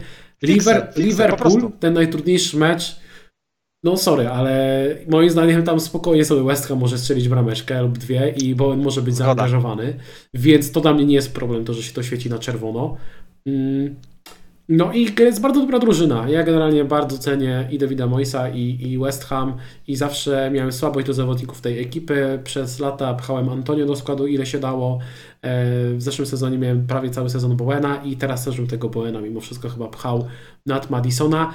Właśnie z uwagi na to, w jakiej gra e, drużynie, a też jest centralną postacią. Paketa zaczął nieźle grać, Skamaka się dobrze wprowadził, ta ofensywa zaczyna wyglądać coraz lepiej i myślę, że Bowen też na tym będzie będzie korzystał. Gdyby nie te kartki Madisona, miałbym Madisona nad, nad Bowenem, mimo wszystko. No tak, tak, oczywiście, no bo jednak jeszcze, wiesz, dwa mecze u siebie i to jeden, jeden z meczy to jest Leeds e, i co będzie mówić Crystal Palace, który też dosyć słabo broni w tym sezonie, pomimo, że tą ekipę cenia, no to jednak. Mhm. Natomiast celowo powiedziałem o tych dwóch spotkaniach, bo, bo ja na przykład sobie układałem plan na najbliższe kolejki, jak mógłbym ułożyć transfery i od kolejki 13, 14, no 14 to już na pewno, ale od kolejki 13 ja spokojnie mam pięciu zawodników z Arsenalu i yy, z City. Więc ja nie widzę problemu, żeby jeden transfer wykorzystać na jednego z zawodników, o których mówiliśmy, żeby w kolejce 12 którymś z nich zagrać. Tylko wiesz, to jest tylko Więc... taka teoria, nie? A połamie ci się Solanki albo połamie się Oczywiście. Zacha i ten slot się nagle zwalnia. Więc ja bym chciał wziąć takiego pomocnika, którego od biedy mogę przetrzymać na dłużej. I Zachę przetrzymał. No to wiesz, możesz kupić, możesz kupić Zachę, który się skontuzuje, a potem ma Blanka. No, wiadomo, nie? Wiesz, Ale wiesz, wiesz, chodzi o to, że Zachę mogę przetrzymać do mundialu, Bowena mogę przetrzymać do mundialu, nie? A zgoda, zgoda. zgoda ten Trossard to jest ten minus taki, że nie wiem, czy będę chciał go na dłużej. Okej, okay, tutaj pełna zgoda. Natomiast załóżmy, że powiedzmy większość osób ma, ma te, te sloty, nawet te osoby zwłaszcza, które są na, na dzikiej karcie, powiedzmy od kolejki dziewiątej, mają tego Madisona, mają te sloty, łatwo im przejść. Jeżeli ktoś ewentualnie ma taką możliwość, rozpisze sobie te, te transfery, w kolejce 13 może wziąć sobie na przykład e, zawodników, o których zaraz sobie powiemy pewnie, których tutaj byśmy cenili naj, naj, najwyżej. Jeżeli w tym planie może kupić sobie w kolejce 11 czy 12 jednego z nich, bo ja jestem na przykład w sytuacji, kiedy mam e, e, kilku zawodników kontuzjowanych i ja muszę kogoś kupić, żeby kogoś wystawić. No i ciężko mi się zmusić, do, żeby kupić zawodnika z blankiem w kolejce 12. Hmm. E, zaraz sobie o tym powiemy, to nie jest najgorsze rozwiązanie, natomiast widzę na przykład taką opcję, że kupuję Trossarda i widzę mecz z Nottingham Forest, więc zastanawiam się, czy ten transfer faktycznie, on ma dużą szansę, żeby mi się zwrócił, tak? Oczywiście ogromnym tutaj, minusem jest to, że... I, i tutaj Ci zadam takie pytanie właśnie w kontekście tego zwracania, bo mówisz, że tutaj e, ten Trossard e, u Ciebie był Trossard, Zaha i Madison. Czy któregoś z tych zawodników kupiłbyś teraz za minus 4? Bo wiele osób jest w takiej sytuacji jak my, że połamał się trend, nie wiadomo co z Jamesem i może będzie opcja, żeby w tego pomocnika wcisnąć, ale za hita. Czy któryś według Ciebie jest warty hita? Powiem Ci, że szczerze ja trochę rozważam taki ruch, e, ale tylko i wyłącznie w sytuacji, kiedy ja z powodu kontuzji nie będę mógł wystawić w tej kolejce nawet 11, E, albo w 12 kolejce na przykład będę wiedział, że nie gra mi Mitrowicz. E, I w, e, Bailey, przepraszam. W kolejce 12 nie gra mi Bailey, bo jestem szczęśliwym posiadaczem tego zawodnika. Nawet jak on zagra, to podejrzewam, że on da mi jeden, max dwa, dwa, dwa punkty, więc ja jestem w takiej sytuacji troszeczkę na musiku, że tak powiem. Czyli ja może będę musiał coś kliknąć, żeby raz wystawić 11 zawodników. Okay, mógłbym, mógłbym tego nie robić, tak? Mogę zagrać sobie w dziesiątkę. Natomiast sobie tak kalkuluję, czy ten hit w związku z tym, jaki Trossard ma kalendarz, może mi się zwrócić, bo powiem Ci, gdybym nawet w tej kolejce 12 miał wystawić e, zdrowego Bailey'a e, i, e, i Pereira, to już myśl, to będę się zastanawiał, czy taki hit kliknąć. Ale jeżeli mm. powiedzmy nie mam tego zawodnika i robię minus 4, czy jak to e, magiczne minus 2, tak? tak Bo gram tak, tak. E, magiczne minus 2 robię tak naprawdę, a nie minus 4, to już powiem Ci, będzie mi łatwiej do takiego transferu. I, mm, i, i gdzieś tak mam tak, taki plan. Trochę posłucham okay. konferencji prasowych. Mhm. A kogoś jeszcze byś hitował? Bo Zachy już masz, ale wyobraźmy sobie, żebyś go nie miał. Czy, czy z tego znaczy... Zacha albo Madisona byś też hitował? Wiesz co, Zachę bym hitował z tego względu, żebym go w ogóle na, na, na długo trzymał, więc myślę, że taki hit też ma jak najbardziej sens. To już pomijam, wiesz, nie mówimy o zawodnikach, których bym hitował e, długofalowo, bo to jeszcze bardziej ma dużo większy sens. Ogromnym ryzykiem jest hitowanie zawodnika na dwie kolejki, to jest ryzyko. Czyli prawda? jakbyś Natomiast... brał za hita jakiegoś pomocnika, to w pierwszej kolejności Zachę. Zachę, oczywiście. No to, to, to bez dwóch zdań, nie? To, to Zachę. Madisona nie z tego względu, że są cztery kartki, więc okay. jakby to powoduje, że... hitował? E, nie, z tego względu, że nie widzę, że Bowena miałbym w składzie na dłużej. E, mhm. Widzę hmm. innych zawodników i gdyby nie miał tego meczu z Liverpoolu, to by znowu był trochę case powiedzmy Trossarda czy tam Madisona, ale to nie jest w moich oczach taki case i nie wiem, czy ten hit by mi się spłacił, a wiem, że od kolejki 13 Bowena już bym nie chciał, bo widzę duże lepsze opcje na, okay. na tą pozycję i trochę by mi było szkoda tych, tych transferów tutaj, nie? Hmm. Więc e, dużo, dużo niżej w mojej hierarchii byłby taki hit opłacalny i, i w ogóle czy ten hit będzie opłacalny, od tego zacznijmy, dlatego tylko tutaj jak patrzę na ten mecz Nottingham Forest u siebie, mówię, to może się gdzieś zwrócić tak? I to też pewnie mi się nie zwróci 15 punktami z przodu, tylko być może, nie wiem, kilka, kilkanaście punktów, jakby to było to w ogóle masakra, nie? Ale niech to będzie 3, 4, 5 punktów. To już będzie już super ruch, tak? Czyli z hitem to powiedzmy 9 punktów mi Trossard by oddał, więc to byłoby super, nie? Natomiast y, długofalowo patrząc, Trossard też nie jest opcją. Mhm. Więc y, okay. to jeszcze przechodząc, to nie jest przechodząc tak długofalowo, y, jakich pomocników chciałbyś w swojej składzie od kolejki 13? I to jest bardzo fajny wybór, bo tutaj, jeżeli chodzi o pomocników, no to na pierwszym miejscu mam dwóch równorzędnych zawodników, ale jednak wyżej e, ceniłbym Fodena, chociaż ostatnio, bo, bo o tym zawodniku chciałem powiedzieć i o Osace. Tylko e, kwestia to, że Saka ma karne, też już trochę zmienia mm, to, jak patrzę na tego zawodnika, e, bo jednak zdecydowanie w moich planach był Foden, że w 13 kolejce na pewno kupuję Fodena. Natomiast to, że Saka ma karne, to tutaj nie wiem, czy gdzieś zbliżył się do tego Fodena w, mo w moich, moich oczach i w zależności od tego, jakie, jakie plany transferowe bym wykonywał, e, zastanawiam się nad tym, czy na przykład taka, takie połączenie Foden plus Jesus nie będzie jakimś w pewnym sensie kompromisem. I, i celuję w taką opcję, więc minimalnie wyżej na ten moment jest Foden. Bardzo mi się ten zawodnik podoba. To jest dla mnie taki e, gwarant e, bardzo dobrych punktów w najlepiej atakującej drużynie, gdzie płacę za niego budżetowo, a punktuje podobnie jak Kevin De Bruyne. Więc... Okay. Czyli, czyli jakbyś miał, e, to teraz dwa pytania pomocnicze. Gdybyś miał wybierać między zastawienie De Bruyne a zastawienie Fodena, to prędzej Fodena byś zostawił. Tak, bo, bo znaczy wiesz, wolałbym De Bruyne, oczywiście, natomiast chodzi o to, że płacę za niego dużo, dużo mniej tak. i mogę z tą kasą dużo więcej zrobić. Mogę mieć na przykład e, Fodena i Jezusa, a z De Bruyne bym musiał mieć na przykład, nie wiem, kogo tam, e, Wilsona powiedzmy, tak? Mm. Więc to, to jest duża różnica, prawda? Więc jak patrząc na długofalowo i Nawet powiedziałbym, kwestie... że Solanki, to jest wybór na przykład y, Foden plus Jezus kontra De Bruyne i Solanki, nie? E, no, no właśnie, więc, więc zobacz, jaka to jest y, dysproporcja, prawda, tej, tej pary. Więc z tego względu dlatego bardzo, bardziej cenię Fodena, bo gdybym, wiesz, miał nielimitowane e, kasę, czy na przykład stać by mnie było na to, żeby mieć e, De Bruyne, to podejrzewam, że De Bruyne byłby lepszą mhm. opcją, mm. nawet patrząc tutaj na, na kwestię jego statystyk, prawda? Natomiast Foden mi się bardzo podoba mm. i, i chciałbym, wydaje mi się, że w kolejce 13 na 90% będę kupował Fodena i zrobię tak, y, postaram się wszystko tak ułożyć, żeby to było za, za, za darmo, być może jeszcze z jakimś zawodnikiem Arsenalu, na przykład z Jezusem. Mhm. A czy w kontekście mm, tego Jezusa nie martwi Cię to, że tam są też cztery żółte kartki i być może jednak lepszym rozwiązaniem będzie pójście w stronę Saka, Foden i Wilson lub Solanki zamiast, to, y, zamiast, zamiast Zachy? Wiesz co, e, jeszcze powiem dlaczego. Znaczy, ja Zachę chcę przetrzymać do kolejki 16. Mm. Jeżeli budżet mi pozwoli, to, to Zachę w ogóle nie ruszam. To jest dla mnie opcja mm -hmm. nie do ruszenia, niech on sobie tam będzie. Natomiast e, w kwestii Jezusa mam trochę nadzieję, że on dostanie żółtą kartkę na przykład w tej kolejce i w 13 odpocznie na przykład, więc ja mógł go na spokojnie kupić w kolejce 14. Dobra, a, jak nie, a jak nie dostanie? To Saka, no. na, który ma gwarancję, że zagra 13, 14, 15, 16, czy gwarancja, o ile nie będzie jakichś kontuzji, urazów rotacji, ale ale Saka raczej nie rotuje w lidze. Kontra Jesus, który może zamiast tych czterech spotkań zagrać trzy mecze, tutaj moim zdaniem już jest e, poważny dylemat. Jasne, jasne, tylko zobacz, to nie jest taka sytuacja, że ja biorę na przykład e, e, biorąc Fodena w porównaniu do Saki, to nie jest tak, że ja rezygnuję z czegoś. Nie, ale możesz teoretycznie, teoretycznie możesz tak ułożyć swój plan, żeby mieć możesz mieć i jednego i drugiego, nie?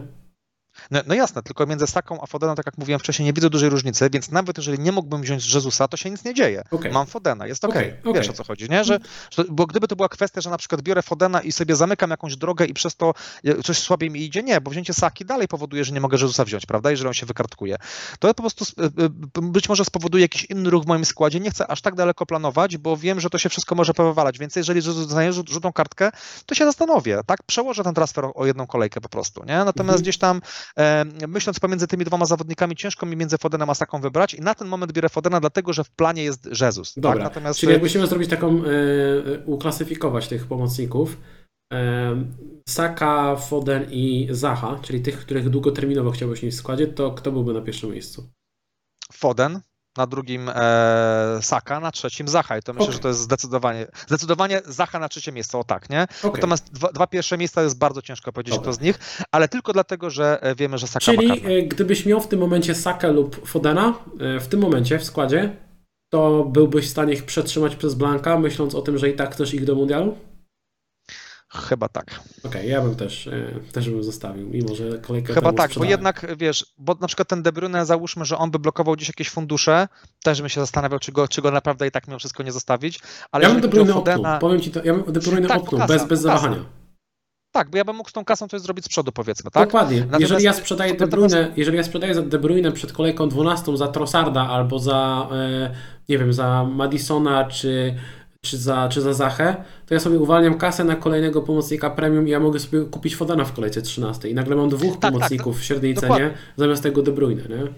Nie, dokładnie, dokładnie. O, o, to mi chodziło, a wiadomo, że mając Fodana czy Sakę, nie ruszamy ich, jeżeli nie, nie będzie jakaś kontuzja, nie ruszamy ich do kolejki 16, więc taka sprzedaż yy, wydaje mi się, że teraz dużo nie da. Po prostu dużo nie da, bo podmianka załóżmy, tak jak powiedzieliśmy wcześniej o zawodnikach premium, pomocnikach premium, najwyżej ja cenię osobiście Trossarda, więc teraz podmianka na przykład Fodena na Trossarda i w kolejce 13 z Trossarda na Fodena, e, no według mnie nie wiem, czy tyle by dało użycie dwóch transferów na taki ruch, czy miałby sens, a tak jak mówiłeś, nie daj Boże, jakaś kontuzja gdzieś się pojawi, więc ja bym już nie ryzykował ze sprzedażą żadnego z tych dwóch zawodników. Okej. Okay. E, I teraz jeszcze chciałem Cię zapytać w kontekście. Mm, rozumiem, że Martinelliego też byś nie sprzedawał teraz przed tym. No nie. Znaczy, wiesz co, musiałbym mieć naprawdę cały skład idealnie ułożony, wiesz, w ogóle żadnego problemu nie mieć e, i ewentualnie bym się zastanawiał, czy na przykład na Martyna tylko kogoś nie podmienić i potem go odkupić, ale tu też e, chyba 0,3, tak, trzeba byłoby dopłacić za, taką, e, za takie odkupienie Martynaliego e, i też myślę, że wydaje, że tutaj nie ma, nie ma, nie ma większego sensu. Trochę podobny case do Fodena i Saki. Mhm. Dobra, i jeszcze jedno moje pytanie, gdybyś miał brać, bo generalnie raczej z większością, się, z większością się zgadzam tutaj z Tobą, natomiast jeżeli chodzi o e, pomocników e, budżetowych, powiedzmy tych do 6,5, tańszych od Martinelliego, gdybyś potrzebował kogoś takiego kupić teraz, na tej liście uwzględniłem Rashforda, Rodrigo, Eze, Almirona, pewnie jeszcze jakieś nazwisko by się znalazło. Kogo, w kogo byś szedł z tej, z tej czwórki? Ciężko mi było kogoś wybrać. Powiem Ci, że żaden z tych zawodników tak do końca do mnie nie, nie, nie przemawia. Nie wiem, czy do 6,5 można myśleć, że Rashforda na przykład, tak, nie? Bo, tak. powiedzmy, że e, Rashford też pytanie, jak tam z jego zdrowiem, jak, jest, jak wygląda jego sytuacja. Powiem Ci szczerze, nie wiem, ile on minut w ostatnim meczu zagrał. Nie, nie, nie sprawdzałem tego, e, bo on teraz patrząc na kalendarz, kalendarz nie jest idealny, bo oni mają Newcastle. Powiedzmy, że to Newcastle to lubi sobie gole tracić, ale potem jest Tottenham, które wygląda całkiem nieźle, Chelsea, West Ham, więc ten kalendarz nie jest tak idealny. Więc ja bym tutaj się zastanowił naprawdę, oczywiście to jest Manchester, załóżmy, no powiedzmy drużyna, która potrafi strzelić te bramki, nie? Ale mm, nie wiem, tylko powiem Ci z racji tego, tych wyborów, tych alternatyw, które by tutaj były, bo mówisz, tu jest Eze, um, ciężko było Almiron, e, wydaje mi się, że tak ten Rashford, wiesz, pomimo, pomimo tych kolejek, jak patrzę, bo teraz nawet ciężko mi było, oczywiście, jeżeli pieniądze nie byłyby problemem, mówimy o różnicy ponad e, około miliona. E, nie wiem, czy bym się, ja dalej, wiem, że Eze teraz strzelił bramkę, natomiast ja, ja nie jestem fanem tego zawodnika, nie wiem, e, podwijając Zachę i Jezę, jakoś tego nie widzę, żeby w składzie mieć tych dwóch, dwóch zawodników, a Zacha jest dużo lepszą opcją, więc mhm. mm, ciężko mi było kogokolwiek wybrać. Wiesz, no ale wiesz, jest dużo lepszą opcją, na przykład można iść sobie w Fodena, Sakę i Jezę, nie? Zamiast i mieć wtedy na przykład e, Sakę w miejsce Zachy i jako budżetowego Eze, który ma chyba 4 punkty mniej tylko od Zachy. Okej, okay. ciekawe, cieka, ciekawa opcja. I do tego Martinelli, tak... nie? I to jest y, trochę tańsza pomoc, ale to nie jest zła pomoc. Bo masz Bukayo Sakę to... z karnymi zamiast Zachy z karnymi, a w, miejsce, w to miejsce masz Eze, nie? No tak. No, i, ja tego Eze powiedzieć, ja, bym, ja bym powiedział, że Eze można brać. Eze, tak, okay, okay. on ma stałe fragmenty, gra w Palace, który ma super kalendarz do końca sezonu. E, świetnie się mm, czuje z Zachą, bo oni od początku sezonu posyłają do siebie dużo kluczowych podań. E, nie wiem, nie mam statystyk przed oczami, ale tak oglądając mecze, po prostu widzę, że oni siebie szukają na boisku i to jest moim zdaniem okay. E, dobre. Więc ja bym tego EZE zaryzykowałbym z nim. 5,5 to nie jest jakaś super wysoka cena. Gdyby okay. nie było stać na kogoś droższego, to bym w tego EZE poszedł. No ja, ja osobiście, znaczy okej, okay, tutaj się z tą częściowo zgadzam, natomiast mi było ciężko go kliknąć i raczej bym starał się tak inaczej roz, rozdysponować kasę, żeby jednak nie mieć takiej, nie podoba mi się opcja właśnie slot taki w, w składzie, oprócz materialnego oczywiście, nie podoba mi się slot gdzieś tam w okolicach tej ceny i, i jakoś bym starał się inaczej te wszystkie fundusze y, umieścić. Natomiast na siłę, gdybym nie miał innej opcji, nie chciałbym żadnego innego zawodnika ruszyć, no to od biedy, no chyba z braku opcji po prostu, mhm. ewentualnie mógłbym tego kliknąć, ale i tak chyba powiem Ci, że gdybym miał opcję, wziąłbym Rashforda, Eze. Więc, okay. więc tak. Jeszcze jedno pytanie. Y, Andreas. Andreas, y, bohater tej kolejki. Y, bramka oh. i wszedł z ławki, także wielkie brawa. Zasługuje tutaj na, na pochwały. Jego statystyki nie są wybitne w tym sezonie, powiedzmy sobie, sobie szczerze. Natomiast teraz kalendarz Bormów, Aston Villa, Leeds. Powiedz mi, czy Twoim zdaniem można grać tym Andreasem w tych trzech kolejkach? Czy to jest jakiś wielki problem, czy to nie jest problem? No i właśnie, bo w kontekście hitowania jakiegoś pomocnika teraz, ja ciągle mam z tyłu głowy, że jeżeli zagram hita, to być może ten Andreas y, wyląduje na ławce, a teraz mam mecz z Bormów u siebie. I zastanawiam się, na ile to ma sens. Jak ty się zapatrujesz na Andreasa, w ogóle na jego potencjał punktowy, że to był taki, no fajnie, że wyszła bramka, ale raczej nie spodziewasz się od niego regularnie punktów, czy, czy uważasz, że on może w miarę sensownie punktować? Na przykład, czy Trossard za minus 4 zrobi więcej punktów w najbliższych dwóch kolejkach od Andreasa? No właśnie, po powiem Ci, Andrasem prawdopodobnie będę grał i w 11 i w 12, e, więc jakby ja w ogóle na to pytanie nie muszę sobie odpowiadać, bo ja i tak nie gram. E, z racji tego, jak skład wygląda, e, ja mam jeszcze tego Bailey'ego kontuzjowanego, więc ja bardziej myślę w kategoriach e, Trossarda za, za minus 4 punkty w kontekście e, Bailey'a, bo gdyby Mitrowicz w tej kolejce miał nie zagrać, to ja i tak gram Andrasem. Nie, tak a jeżeli Mitro wróci, to Andras ławeczka, co? Okay, no tak, no jeżeli Mitro wróci, to faktycznie e, e, Andrasem nie będę musiał grać. No, miejmy nadzieję, że wróci. Natomiast ten Andras nie jest taką najgorszą opcją, dlatego ja też patrząc na ewentualnego hita za, za Trossarda, powiem Ci, Andreas y, mm, bez Williana to jest dużo lepsza opcja, e, bo ten Willian ma, ma, te stałe fragmenty, które mu zabierał. Teraz nie wiem, kiedy Willian wraca, bo to też trzeba byłoby zweryfikować. Williana nie ma, więc Andreas jest fajną opcją i w kolejce z Bormów i z Aston Villą oba mecze u siebie. Uważam, że to jest naprawdę całkiem fajna i ciekawa opcja I później wyjazd na list to też jest y, dobry meczek, na przykład jakby ktoś chciał e, ale myślę, że nie będzie potrzebny wtedy już. Myślę, że chyba nie będzie nie. potrzebny w kolejce 13. Oby nie. E, kolejce 12 będzie potrzebne na pewno, no bo tutaj z racji ułożenia naszych składów na pewno potrzebujemy y, Andrasa, więc tu nie mam co się zastanawiać na kolejkę 12. Ja bardziej w kontekście ewentualnie mojego hita w kolejce 11, gdyby miał być Mitrowicz zdrowy i o tym trochę wcześniej mówiłem, że nie hitowałbym Trossarda, wiedząc o tym, że, nie, że mam Andrasa, którym mogę zagrać, e, e, myślę, że nie robiłbym tego ruchu. Natomiast jeżeli bym wiedział, że w kolejce 12 mam Beliego kontuzjowanego, to hit za Trossarda ma już trochę większy sens, bo ja biorę zawodnika, którego będę potrzebował na, kolejce, na kolejkę 12. Więc tutaj tutaj bardziej rozważam to trochę na przestrzeni dwóch kolejek.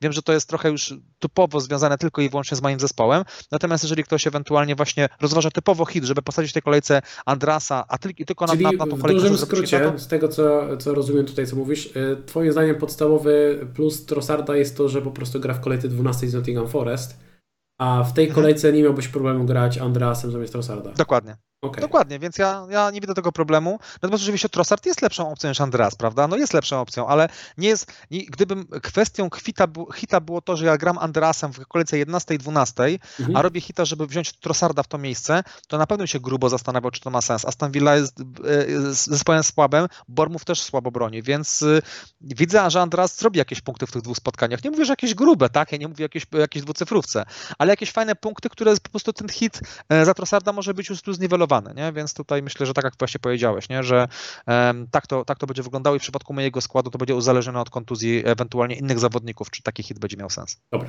Czy coś jeszcze w kontekście pomocy, czy idziemy dalej? Myślę, że, myślę, że no, możemy.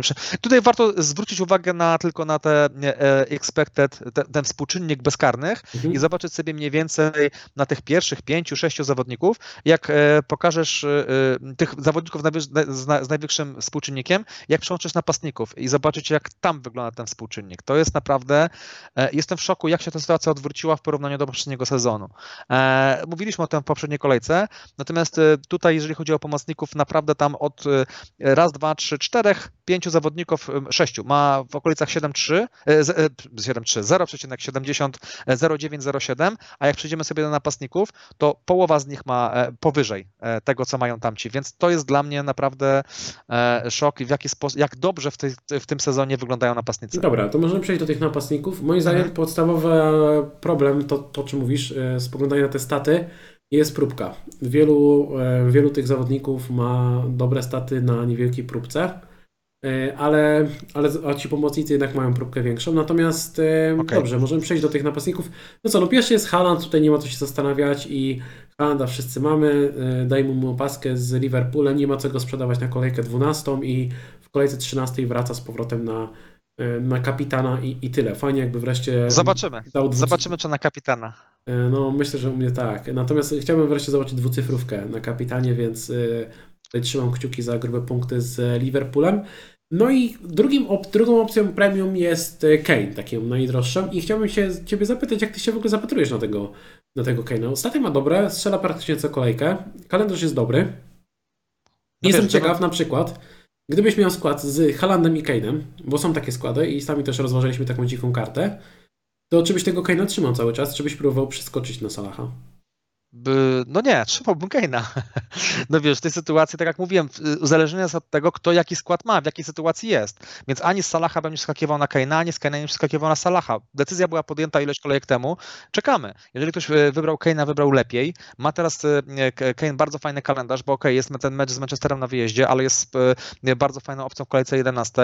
Ma też w kolejce 14 Bormów, więc myślę, że tutaj spokojnie tego Kane'a ktoś trzyma i się cieszy. Ewentualnie zastanawiałbym się nad tym, czy w kolejce 13 nie, nie wejść w kolejkę 13 z dwoma transferami i trochę sobie tą kasę użyć na to, żeby mieć powiedzmy więcej tych zawodników w okolicach 8-0. Czyli na przykład z Kane'a przejść na przykład na Darwina albo z Kane'a przejść na e, Jezusa mhm. i wykorzystać tą kasę, żeby któregoś z pomocników, na przykład Madisona, na przykład Trossarda, który od kolejki 13 ma trochę gorszy kalendarz, z niego zrobić jakiegoś zawodnika lepszego, na przykład Fodana czy Saka. I według mnie podejrzewam, że dużo osób będzie robiło taki ruch, tak? Czyli to jest bardzo, ale w końcu 11 12 nie widzę żadnego e, powodu, dla którego miałbym przechodzić z Kane'a na, na Salaha. Zgoda. Moim zdaniem spokojnie może Kane'a trzymać, a jeżeli ktoś będzie miał kasę i będzie go stać na przykład na e, atak w stylu Haaland, Kane, Jesus i do tego w pomocy Foden, e, Saka, Zaha, Martinelli, to jest w ogóle moim zdaniem złoto. To ja, jest oczywiście. rewelacja. No, no, wiesz, no, i... no to jest e, osoby na dzikiej karcie będą miały taki skład. Tak, myślę, że jest duża szansa, że właśnie tego będą te składy, więc to jest wtedy idealna sytuacja. Dobra, przechodzimy do tych tańszych napastników e, i tutaj w tych okolicach 7 do 9 milionów, że tak powiem, ujmijmy to tak, e, jest kilka ciekawych nazwisk i, i teraz tak. Auba. E, Auba, bo wiele było pytań o niego, strzela regularnie, natomiast chyba tak jak ty nie masz do końca przekonania do, do, do Sterlinga, tak ja nie mam do końca przekonania do Auby, bo mnie trochę te rotacje mm, u Pottera y, odpychają od tego wyboru, bo i Havertz strzela, i Broja strzela, i Auba Dokładnie. strzela. I tutaj bym miał e, obawy przed kliknięciem Auby. Niektórzy go brali przed poprzednią kolejką, no i niestety się e, przejechały, więc tu bym chyba nie ryzykował, zwłaszcza, że ta kolejka 12 jest w środku tygodnia.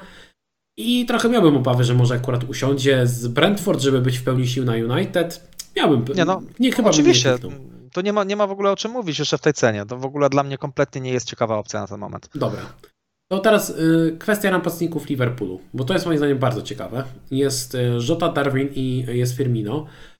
Najtań, najtańszy Firmino 8 milionów, Darwin 8,8, Jota 8,9. Na staty, tak jak mówię, aż tak bardzo bym nie spoglądał, bo tutaj jest niewielka próbka w przypadku każdego z tych nazwisk. I Cóż, teraz mecz City to jest e, ino, ino, i w trakcie teraz tego streamu zaraz się zaczyna mecz z Rangersami, więc e, będą dwa mecze, żeby sobie obejrzeć jak ci napastnicy e, wyglądają. I myślę, że jeden z tych napastników może być bardzo ciekawą opcją od kolejki 12. Ja się poważnie zastanawiam, czy to nie będą opcje lepsze nawet od, mm, od Salaha. Jestem ciekaw, jak to będzie wyglądało po kontuzji Diaza, bo należy pamiętać, że jeszcze jest Carvalho, który też może grać na lewej stronie. Więc ta rotacja nadal może być, bo jeżeli przyjmiemy założenie, że na przykład z lewej strony może zagrać Carvalho i Jota, w środku może zagrać Jota, Darwin i Firmino, a z prawej może zagrać Salah, no to nadal widać, że gdzieś tam ta rotacja w ofensywie może być. I jak ty się zapatrujesz w ogóle na te opcje w porównaniu do, do takich właśnie nazwisk jak, e, jak nie wiem, właśnie Kane, e, Auba e, czy, czy Jesus? No wiesz, Jesus ma Blanka, Auba jest w ogóle nie do rozważenia, e, a Ken jest jednak dużo droższy, więc ja myślę, że tutaj ciężko ich tak bezpośrednio porównać. Ja bym bardziej porównał do innych slotów za 8.0. Tutaj byłoby mi bliżej, okay. pomimo, że nie, pomimo, że są trochę drożsi. I powiem Ci, w jednym z opcji naprawdę bardzo blisko mojego składu jest Darwin, bo z tej trójki, którą wymieniłeś, Darwin jest naprawdę najciekawszą opcją. Trochę wraca mi, wracam do tego, o czym mówiłem w pierwszej, drugiej kolejce, gdzie Darwin mi się bardzo podobał i, i już szykowałem się do tego, żeby go zakupić i znowu wraca ten moment, czyli Darwin odcierpiał swoje, trochę wraca do składu. Powtórzę to, co mówiłem na początku streamu. Liverpool wygląda słabo, ale Liverpool strzela w każdym meczu bramkę. Na wyjeździe z Arsenalem, z, z jedną z najlepszych epik, drugą najlepszą ekipą w, w tym sezonie, no, patrząc Tak, na tabelę, pierwszą. jak patrząc na tabelę dokładnie pierwszą, strzelili dwie bramki. Ten słaby Liverpool strzelił dwie bramki. Tak, przegrał spotkanie. Okej, fair. Natomiast my nie wybieramy zawodników, którzy wygrają spotkanie, tylko którzy będą strzelali bramki. I jak przy Salachu pełna zgoda, że gość jest zupełnie bez formy, tak Darwin wygląda bardzo fajnie. Żota zresztą też. Tam, tam ci zawodnicy, no, pomijam kwestię Firmina, ale Firmino mi się trochę obawiał. Jednak wydaje mi się, że, że ten Darwin jest takim pierwszym wyborem. On będzie lekko rotował, co jest małą obawą. Natomiast w związku z tym, że wypada ten, ten, ten Diaz, nie sądzę, że te rotacje, te rotacje będą tak, tak mocne, tak duże.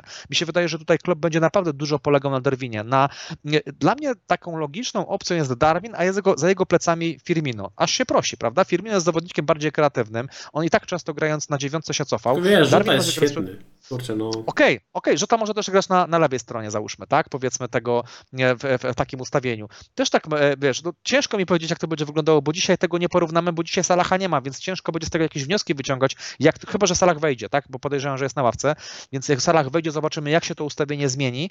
Natomiast y, jeżeli będę potrzebował napastnika już teraz, znaczy może źle powiedziałem, bo w kolejce 12 myślę, że tego Darwina bym nie, nie kupował, wolałbym zagrać jakąś inną opcją. Natomiast ja, czy się zdziwisz, jak Liverpool strzeli na przykład e, jedną, dwie bramki z City? Nie. Ja- Nie, ja- dwie to trochę może tak, ale no, to, to, Ja- to może ja- być otwarty mecz teoretycznie. Ja widzę, ja widzę tutaj bramki, natomiast no, na przykład za Hita nie brałbym takiego Darwina na Met City, ale od kolejki 12, tak jak powiedziałeś, taki Darwin może być bardzo fajną opcją.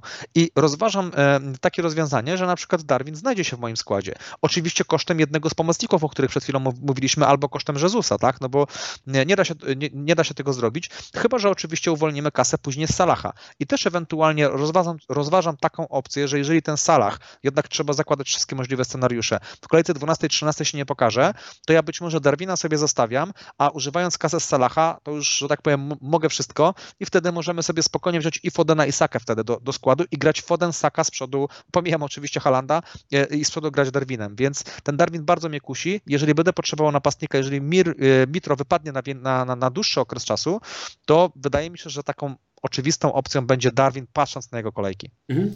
Ja też tak uważam, że jeżeli faktycznie, e, jeżeli faktycznie sprzedam tego Trenta i kupię taniego obrońcę, będę miał dodatkową kasę i dowiem się przed weekendem, że Mitro wypada, to też chyba kliknę Darwina. Nawet bez... Ale teraz moment, właśnie, pytanie. Klikasz, go za- klikasz go za minus 4, czy grasz Andrasem? Aha, to jest dobry, to jest dobre pytanie. No. To jest e, duży dylemat. Czy bym go kliknął za minusy? Chyba nie. Chyba bym go nie kliknął za minusy. Nie Ale wiem. powiem Ci, że to jest, to jest decyzja naprawdę close, bo Liverpool grał u siebie, prawda? E, e, czy ja widzę bramkę Darwina z Liverpoolem? Jak najbardziej. E, natomiast pytanie... Darwina z Liverpoolem tak, ale czy z E, City? Przepraszam, przepraszam. E, W gierce, w gierce treningowej. No. Ale, ale z City, jak najbardziej, tylko wiesz, pytanie, czy to będzie warte hita i warte posadzenia Pereiry, który ma bardzo fajną, fajną kolejkę, więc powiem Ci, że to mm, jest blisko. Ja myślę, raczej bym chyba nie kliknął tego za minus 4, ale wcale nie uważam, że to jest jakiś głupi, głupi pomysł, głupie rozwiązanie. Jak Natomiast ktoś ma dwa darmowe transfery, to ma to więcej sensu. Okej, pewnie, jak najbardziej, to, to jak najbardziej. Natomiast za Mhm. minus 4 nie wiem, no jednak to jest City, prawda? Mhm. I, I ekipa, która, która dobrze broni. Natomiast w, e, ktoś może powiedzieć bez sensu Darwin, tak, że to, to za szybko, ale tak, za chwilkę wchodzimy w super kalendarz i osoby, które trafią takiego zawodnika, te osoby, które skakiwały na Madisona, Bowena, e, czy tych zawodników, którzy też nie mieli żadnych cyfr, ale zaczęli punktować, podobna sytuacja może być z Darwinem, który wchodzi w bardzo fajny kalendarz i będzie fajnie punktował, więc e, Dobra. mi się bardzo podoba ta opcja. A jeszcze mi powiedz, jeżeli ktoś ma, nie ma tyle kasy, żeby wcisnąć Mhm. sobie tego Darwina i powiedzmy ma do wydania maksymalnie e, 8 milionów i Mhm. szuka napastnika teraz e, na te kolejki najbliższe, mm, to szedłbyś bardziej w stronę tych napastników w okolicach 8-7 milionów, czy wręcz e, schodził niżej i uwalniał kasę, bo jeszcze kolejkę temu ja bym powiedział, żeby iść tanio w jakiegoś napastnika i uwalniać kasę, natomiast e, ta kasa powoli sama się zwalnia wobec e, kontuzji Tak. Trenta i niepewnej sytuacji Jamesa. I to już wtedy mam większy dylemat. Jak ty się na to teraz e, zapatrujesz? Wiesz co? Znaczy, no, bo tak, gdyby- może, może wyjaśnimy, wyjaśnimy jedną kwestię. Jezusa, czy brałbyś Jezusa teraz, biorąc pod uwagę, że ma Blanka w kolejce 12 i do tego ma cztery żółte kartki? Nie. To jest trochę znowu to samo pytanie, czy brałbym Fodena, czy brałbym e, Sakę teraz. Nie. Ja rozumiem o tym, ja rozumiem, że w koniec końców może się okazać, że to była najlepsza decyzja. Pełna zgoda. Natomiast grając w FPL w ten sposób, w jaki gram, nie kupuję zawodnika, który zaraz ma Blanka. Po A czy byś go trzymał? Tak. Okej. Trzymałbym Jezusa. E, No, ciężko sprzedać Jezusa przed e, meczem oczywiście z Leeds, Nie, nie, ale rozumiem, że w no, kontekście tak bardziej w kontekście 12. też tego kolejki 12.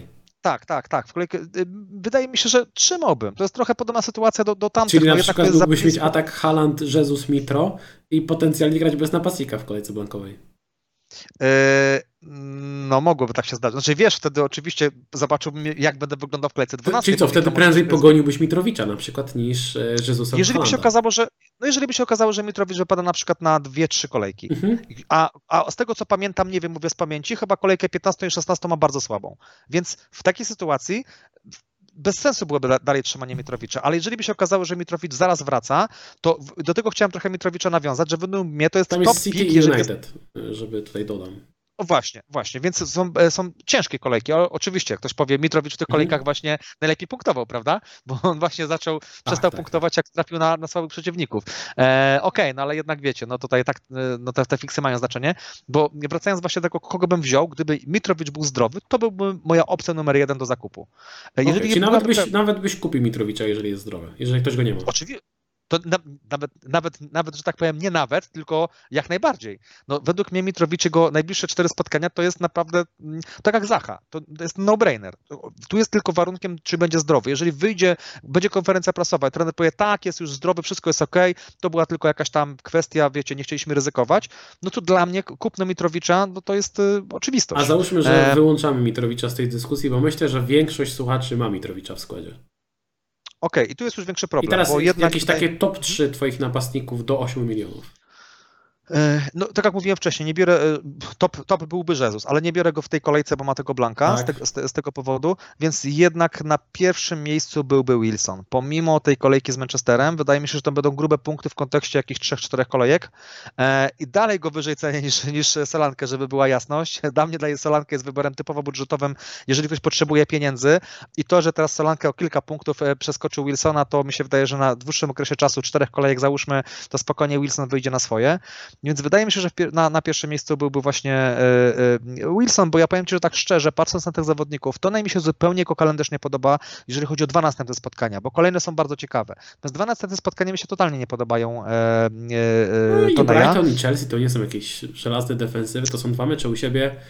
O, u siebie, o, o, ile, o, ile dobrze, o ile dobrze przepisałem ten kalendarz, bo oczywiście robię to e, ręcznie, ale, ale no tak, tak to wygląda. To są dwa mecze u siebie, więc szczerze ten ale, ale wiesz co, ale wiesz to jak patrzę na ekipę Newcastle, jak patrzę na to, ile bramek strzela, to wiesz, jednak dużo wyżej cenię Wilsona okay. niż, niż to na ja. Nie? E, Czyli i chodzi ci typowo to, w jakiej grają drużynie. Oczywiście, to ma jak najbardziej znaczenie. Pomijam kwestie karnych, bo oba mają karne, tak? Natomiast y, wy, znaczy ja i też umówmy się, wyżej cenię y, to na ja niż y, Solankę. Generalnie każdego zawodnika chyba z tej tabeli wyżej cenię niż, niż Solanki. Natomiast, dlatego go kupiłeś, brawo. No. Dlatego go kupiłem, dokładnie, dlatego go kupiłem. nie, może Edwarda, trochę mniej, bo jest ryzyko rotacji. Nie? Więc okay. to jest ten, ten problem z Edwardem, że tu jest ryzyko rotacji. Chociaż gdybym był przekonany, że Edward zagra. To wiesz co, może zostawmy sobie tę trójkę tych Pokémonów okay. Daka, Solankę i Edward na koniec, jako osobna kategoria okay, memiczna, dobra. a skupmy się przy tych nieco poważniejszych, chociaż tutaj jest następny Welbeck, więc, więc, więc, powiedzmy, że to więc, są poważni napastnicy. Dobra, Welbecka też zostawiamy, tak? Nie no, e... no, tak, zostaw, zostaw, to jest poważnym napastnikiem. Okej. Okay.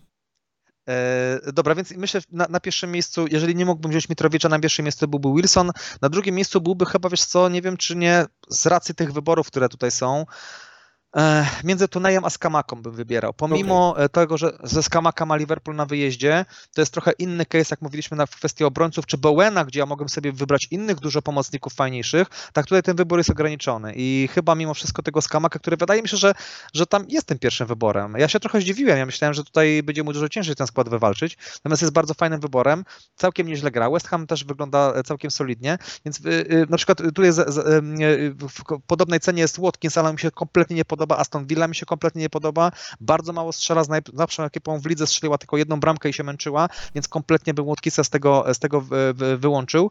I tak na dobrą sprawę już jest koniec tych wyborów, więc tutaj y, w tej cenie oczywiście.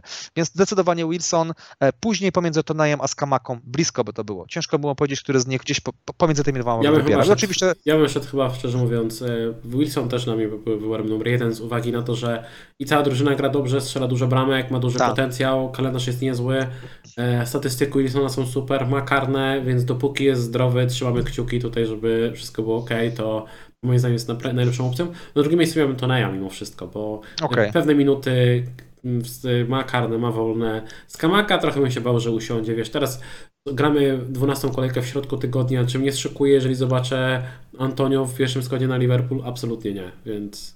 Okej, znaczy wiesz co, tutaj tak jak spojrzałem, przyjrzałem się temu kalendarzowi, faktycznie Tonej ma te dwa ciężkie mecze, ale oba, na, o- oba u siebie. Więc to No. by może mnie trochę przekonało w stronę Toneja, Skamaka był na trzecim miejscu, z racji jeszcze tego, tego, tego meczu z Liverpoolem na wyjeździe. Mhm. A z tych e, opcji budżetowych e, rozumiem, że zostajesz przy tym, jeżeli ktoś potrzebuje kasy, bo, bo potrzebuje kasy Mhm. uwolnić na jakiegoś pomocnika czy coś, e, to nadal byś szedł w tego Solanki, czy, czy jak? Tak, Solanki, wiesz co, bo Edward, okej, teraz strzelił bramkę, natomiast ja i tak e, obawiam się, że ten Edward w każdym momencie usiądzie. I on jest fajnym wyborem, no ale czy, dał, czy dałbym gwarancję sobie, powiedzmy, że on w najbliższych, zwłaszcza w tym momencie, kiedy mamy teraz ten w, w tydzień trzy spotkania, czy on we wszystkich trzech wyjdzie w pierwszym składzie? No, to jest trochę ryzykowne. Natomiast z Solankiem mamy gwarantowany mecz 90 minut i jeszcze dodatkowo karne, więc to by jednak przeważało te kwestie karnych, e, kwestie 90 minut i kwestie bycia pierwszym wyborem nad, nad, nad e, Edwardem. Natomiast jeżeli kogoś nie stać na, skola, na Solankę z jakiegoś powodu, to Edward nie jest taką wcale najgorszą opcją. Ja mam problem z Edwardem taki, e, że w zeszłym sezonie już bywały takie okresy, w których wydawało się, że nagle Edward jest podstawowym wyborem, potem nagle wskakiwał Mateta, zagrał trzy mecze w pierwszym składzie, dwie bramki i nagle o, Mateta jest Tak, pierwszym tak, wyborem i nagle wchodzi Tak, Edward, a nie Mateta, więc Wieira strasznie rotuje tymi A napastnikami. tam jeszcze Benteke jest czy nie? Bo on tam wiecznie żywy Benteke wejdzie i z główki coś strzeli. E, Ale Bentekę chyba- nie, nie ma. Bentekę już nie ma, niestety, Okej, niestety okej. już, już, już, To był już troll. odpadła, To- także... okej. Tak, nie, no to tak. tak jak mówię, Edward jest zbyt ryzykowną opcją, oczywiście, natomiast tak jak mówię, Daka no, byłby super, Daka byłby super, ale też ryzyko. No kurczę, y, już nie wspomnę o tym, że najlepszym napastnikiem Leicester jest Iheanacho. I z jakiegoś powodu on nie gra regularnie. Nie wiem, to, to musi być jakiś problem personalny. E, Nie wiem, czy, czy y, tutaj trener nie upilnował kogoś ze swojej rodziny i Iheanacho y, uprowadził, czy, czy z czego to wynika, ale naprawdę nie potrafię zrozumieć, dlaczego on grał tylko wtedy, gdy wszyscy pozostali napastnicy byli połamani i musiał grać. Wtedy grał, strzelał gola co kolejkę, Strzelał. Wrócił Tak. Wardy, jest Daka z powrotem i inaczej już znowu nie ma go, nie? Dla mnie to jest niezrozumiałe, ale abstrahując, tam. abstrahując od tego, jest ten Wardy nadal. I ten Wardy ma już, y, co, z 48 lat chyba, nie? Ma nie 48 lat i, i nadal... Czyli może jest nawet starszy ode mnie. tak, tak. I nadal, wiesz, nadal jest, e, nadal gdzieś tam się kręci wokół tego pierwszego e, składu, więc miałbym tutaj pewne obawy.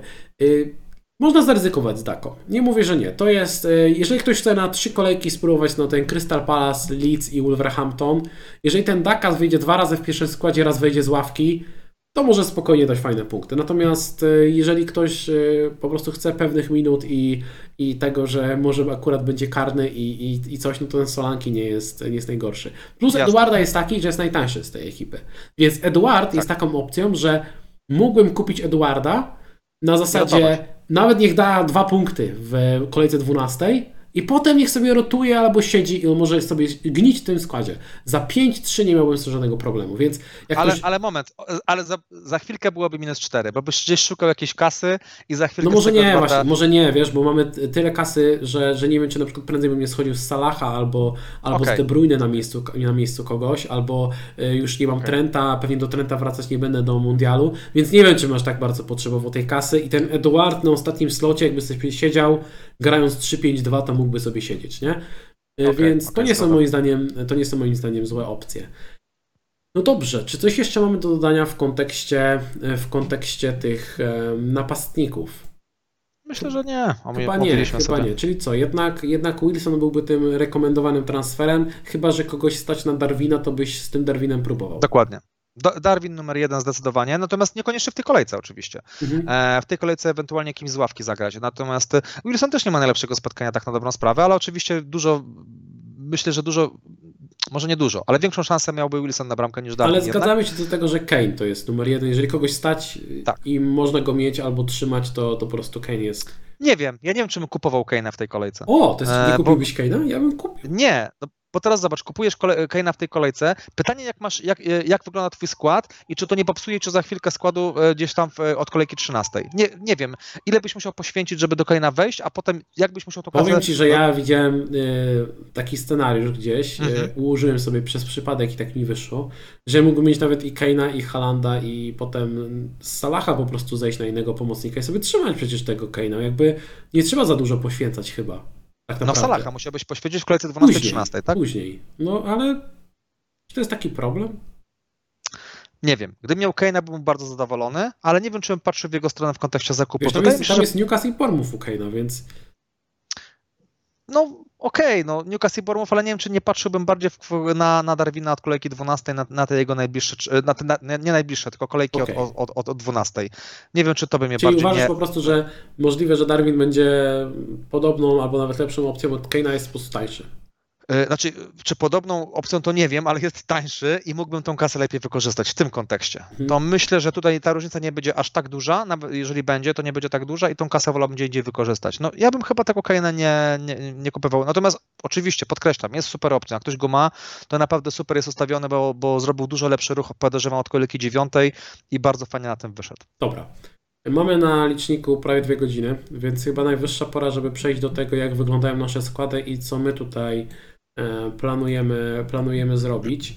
Mm, I teraz tak, jeżeli chodzi o mój skład, to teraz widzicie go na mm, ekranie. Mam Poupa, Cancelo, Jamesa, Trippiera, e, Salaha, Zachę, Martinellego, Andreasa na ten moment mam w składzie, e, Haaland na kapitanie, Wilson i Mitro. E, Na ławce nadal jest e, świecący się e, Trent Alexander-Arnold, jest tutaj Neko Williams i Diallo, czyli po prostu sub za 4-4, który daje jeden punkt. I no już jestem myślami gdzieś tam przy tej kolejce 12, ale jednak mam te problemy, mam te problemy w składzie i mm, myślę, że sprzedam Trenta na 99%. Nie wyobrażam sobie, że miał go nie sprzedać. Mam tylko jeden darmowy transfer. I tak jak wspominałem wcześniej, e, opcje, które rozważam. Perisic, gdybym nie chciał uwalniać jakoś dużo kasy i zaryzykować z Perisicem. Gdybym chciał uwolnić kasę, to znaczy większą ilość kasy, to wtedy wolałbym obrońcę Brighton, czyli Webstera, ale chyba, ym, chyba będzie mnie stać tylko na Guiego. Bo biorąc y, do składu, ym, biorąc tutaj obrońcę Crystal Palace, mogę sobie pozwolić na to, żeby w miejsce Diallo kupić Trossarda. Y, I to jest opcja, którą poważnie rozważam. Wtedy mógłbym tego Guejego zostawić na ławce nawet w tej kolejce. Ewentualnie on by może wskoczył z tej ławki, gdyby James nie zagrał i to też nie byłoby jakaś tragiczna sytuacja. Natomiast mógłbym sobie zagrać Trossardem e, w, w tym najbliższym, najbliższym spotkaniu. Pewnie wtedy Andreas i Guej byliby na ławce, z tym, że no, w składzie się świeci Mitro i James, więc możliwe, że jeden i drugi będzie potrzebny i wtedy ten hit nawet za tego Trossarda miałby gdzieś tam trochę większe uzasadnienie, bo bym wiedział, że dobra, potrzebuję obrońcę, bo potrzebuję kogoś za Jamesa, potrzebuję kogoś ofensywnego, bo potrzebuję za Mitrowicza. To by się w miarę broniło, chociaż drugi hit, kolejkę, drugą kolejkę z rzędu mm, nie uśmiecha mi się aż tak, aż tak bardzo, chociaż pewnie powinienem to patrzeć po prostu, no idę do przodu. Osobna kolejka, osobna kolejka, Dokładnie. oczywiście. Oczywiście. To... Ej, Opcja, którą rozważam też i to jest, e, to jest dosyć głupie, ale e, też e, rozważam opcję, żeby wziąć sobie za Trenta tego Guiego i wtedy też mam na styk, jeżeli dobrze pamiętam, mógłbym wrócić do, mm, do Bukayo Saki. Zastanawiam się, na ile głupie to jest, aby teraz wrócić, e, bo sprzedałem Sakę za hita, znaczy de facto kupiłem Wilsona za hita. W efekcie Saka poleciał, ale to jest takie, wiesz, gdybanie. I teraz mógłbym wtedy do tego Bukayo Saki za tego hita wrócić. I o ile myślę, że długoterminowo to byłoby całkiem spoko. Bo tak, teraz Saka ma Leeds na wyjeździe. Tutaj spokojnie mogą być jakieś punkty. E, Dodatkowo od kolejki 13 mam już zawodnika Arsenalu. E, Nie jest to Jesus, który jest zawieszony kartkami. Mam Bukayo, który ma rzuty karne. Tu, są, tu jest bardzo dużo plusów. Mógłbym wtedy sobie spokojnie poczekać do kolejki e, 13 i od kolejki 13 już myśleć jak upchnąć Fodena, mając tą świadomość, że już mam podwojenie ataku Arsenalu. Natomiast jeżeli teraz wezmę Trossarda, to tego Trossarda zaraz będę chciał sprzedać z powrotem. Będę chciał z powrotem tego Sakę albo Jezusa, będę chciał Fodena.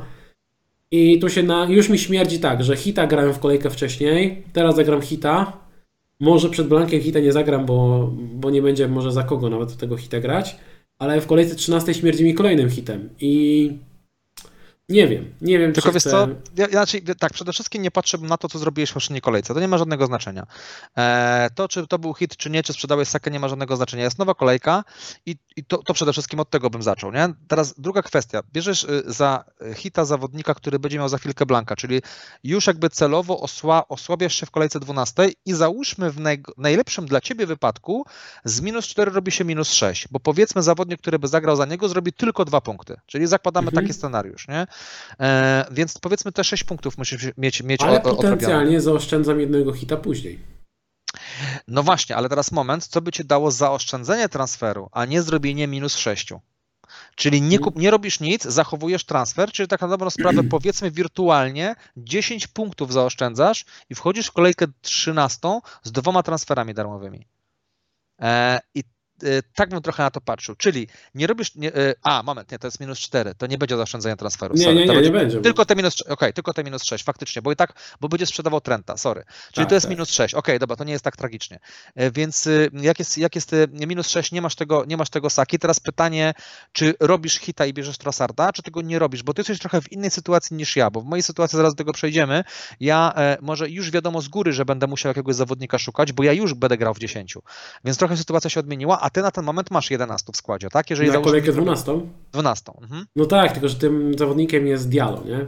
Jest Diallo, Okej. który kosztuje 4-4, pomocnik Southampton, zagrał fenomenalne spotkanie w e, pojedynku z Manchesterem City, przegranym 0-4.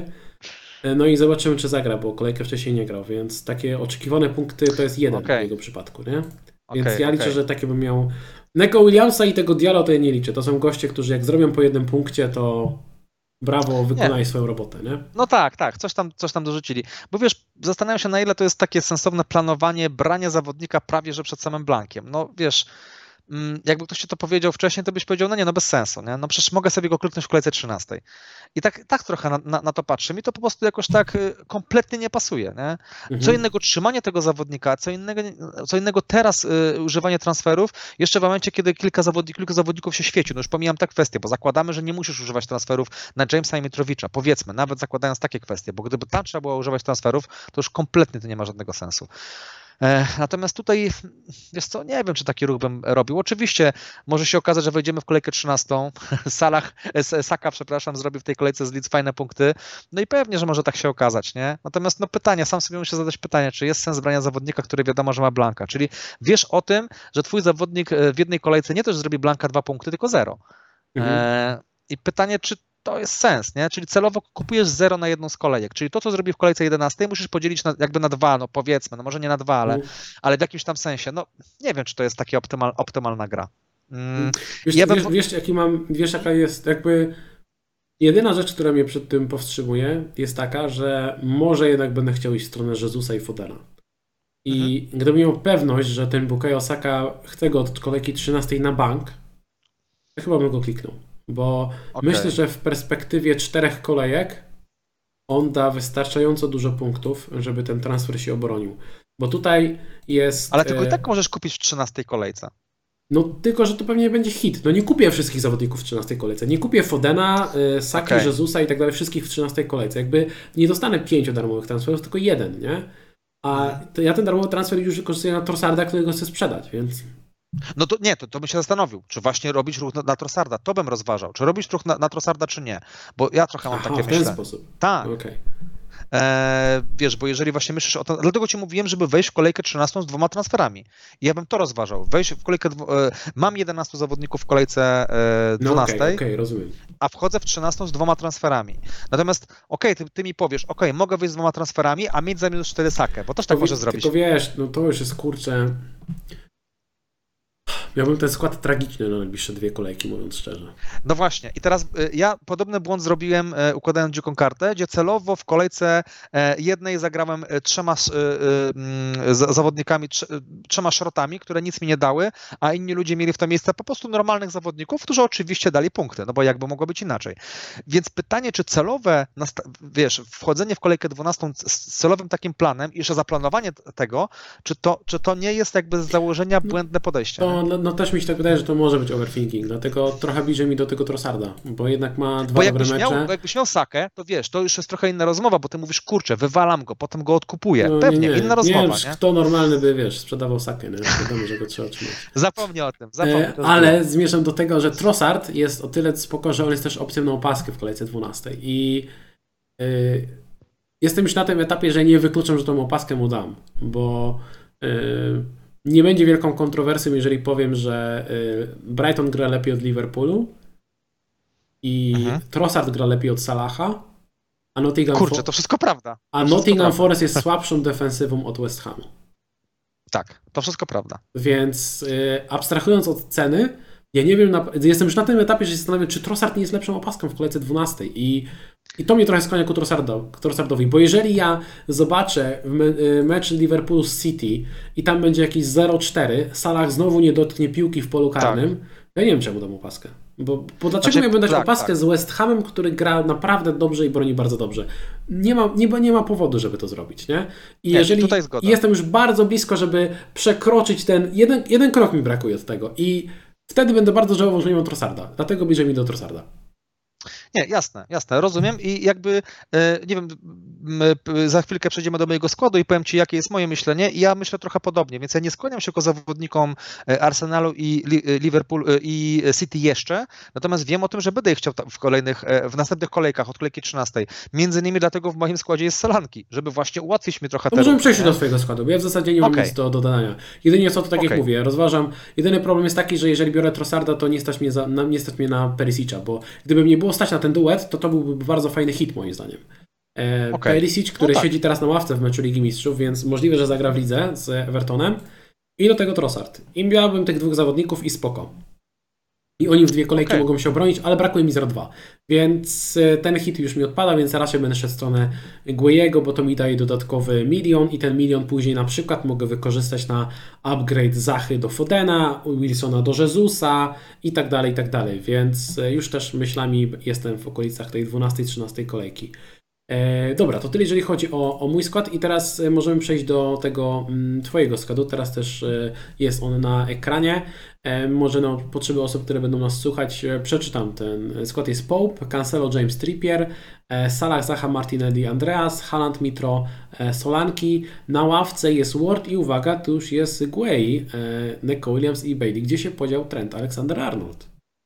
Nie ma człowieka. E, Był człowiek, nie ma człowieka. E, no, a Trent musiał odejść. E, z bólem serca, bo tak jak mówię, to co miał dać, to za chwilkę miało się właśnie wydarzyć. I niestety e, dostaliśmy od Trenta tylko to co najgorsze, a to co miał dać najlepszego ewentualnie, to się niestety nie zadzieje.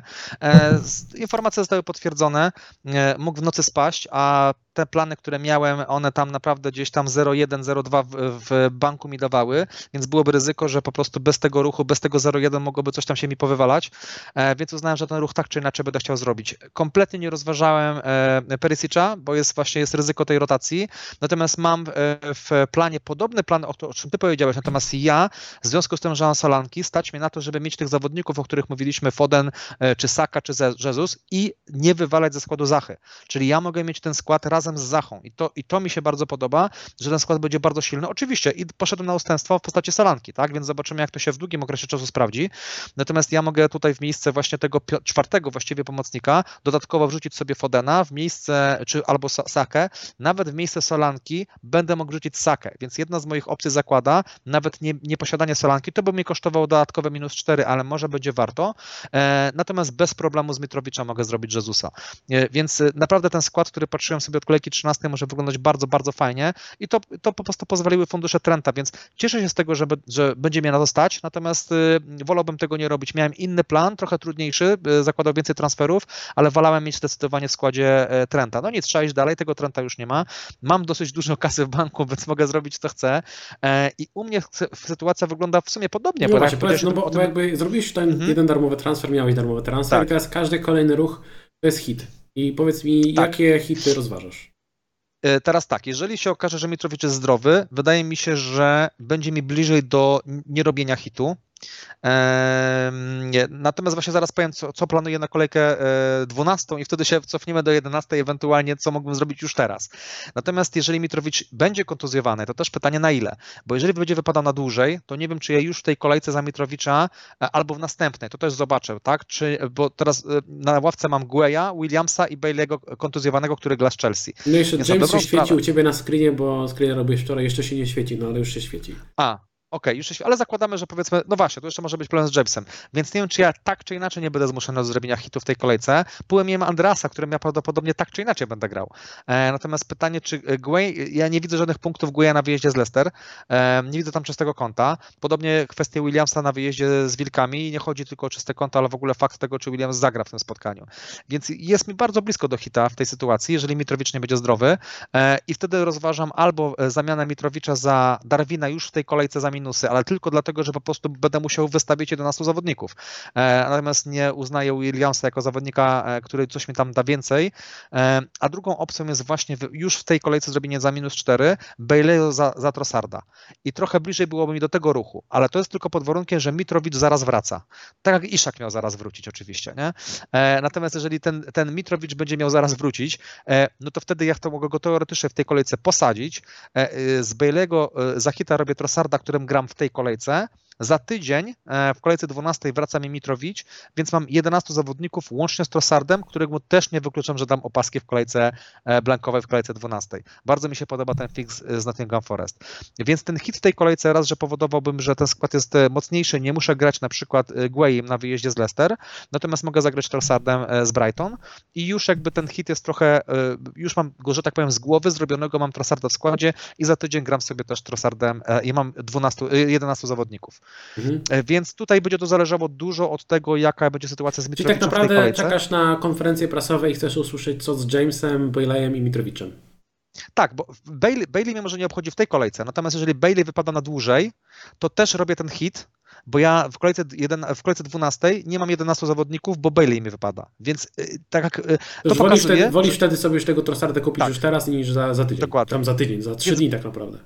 No dokładnie, więc po prostu bardzo blisko jestem tego hita, bo on mnie ustawi trochę na obie kolejki, więc y, naprawdę dużo by się musiało wydarzyć w kontekście konferencji, żebym ja tego hita w tej kolejce nie zrobił. Czy rozważasz jakiegoś nie... hita w defensywie, gdyby się okazało, że James wypada na dwa tygodnie? Raczej nie. Z, z, z, tych powodów, o których mówiliśmy wcześniej, chyba nawet zagram dziesiątką. E, Czyli grałbyś sobie po prostu e, Cancelo, Trippier, Guay, w blankowej kolejce za Cancelo wskoczy Neko Williams i tyle. I Jamesa trzymasz. No i, no i Guay gra wiadomo wtedy, nie? W tej mhm. blankowej kolejce.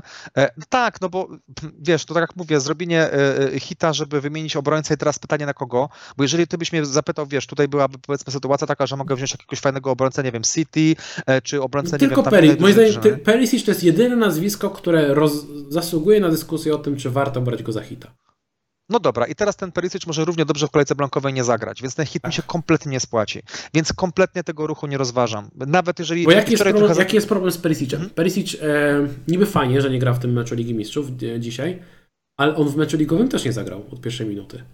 I czyli on dwa mecze z rzędu siedzi na ławce i to jest problem, bo e, to pokazuje, że mm, Tottenham może sobie bez niego poradzić e, w każdym meczu tak naprawdę i nadal jest opcja rotacji, bo jest e, teraz co prawda w Lidze Mistrzów gra Emerson, on e, w lidze mm, grać nie może, bo jest zawieszony, ale nadal jest jeszcze Doherty i jest e, Sesenion, więc obstawiam, że raczej zagra Perisic i Doherty, tak myślę, w meczu ligowym z Evertonem, natomiast co będzie w środku tygodnia, czy tam nie wróci Sesenion i nie będzie grał Doherty plus Sesenion, no tego bym nie wykluczył niestety. Nie, dlatego, dlatego według mnie takich, a już hit to już w ogóle nie ma, nie ma żadnego sensu. Więc ja e, to, co mam być, to będzie z Jamesem. Będę się nim martwił, że tak powiem, od kolejki 13 ewentualnie. Najbliższe dwie kolejki po prostu liczę, liczę, że on wystąpi w jakimś spotkaniu, nawet gdyby miał wejść e, z ławki, trudno.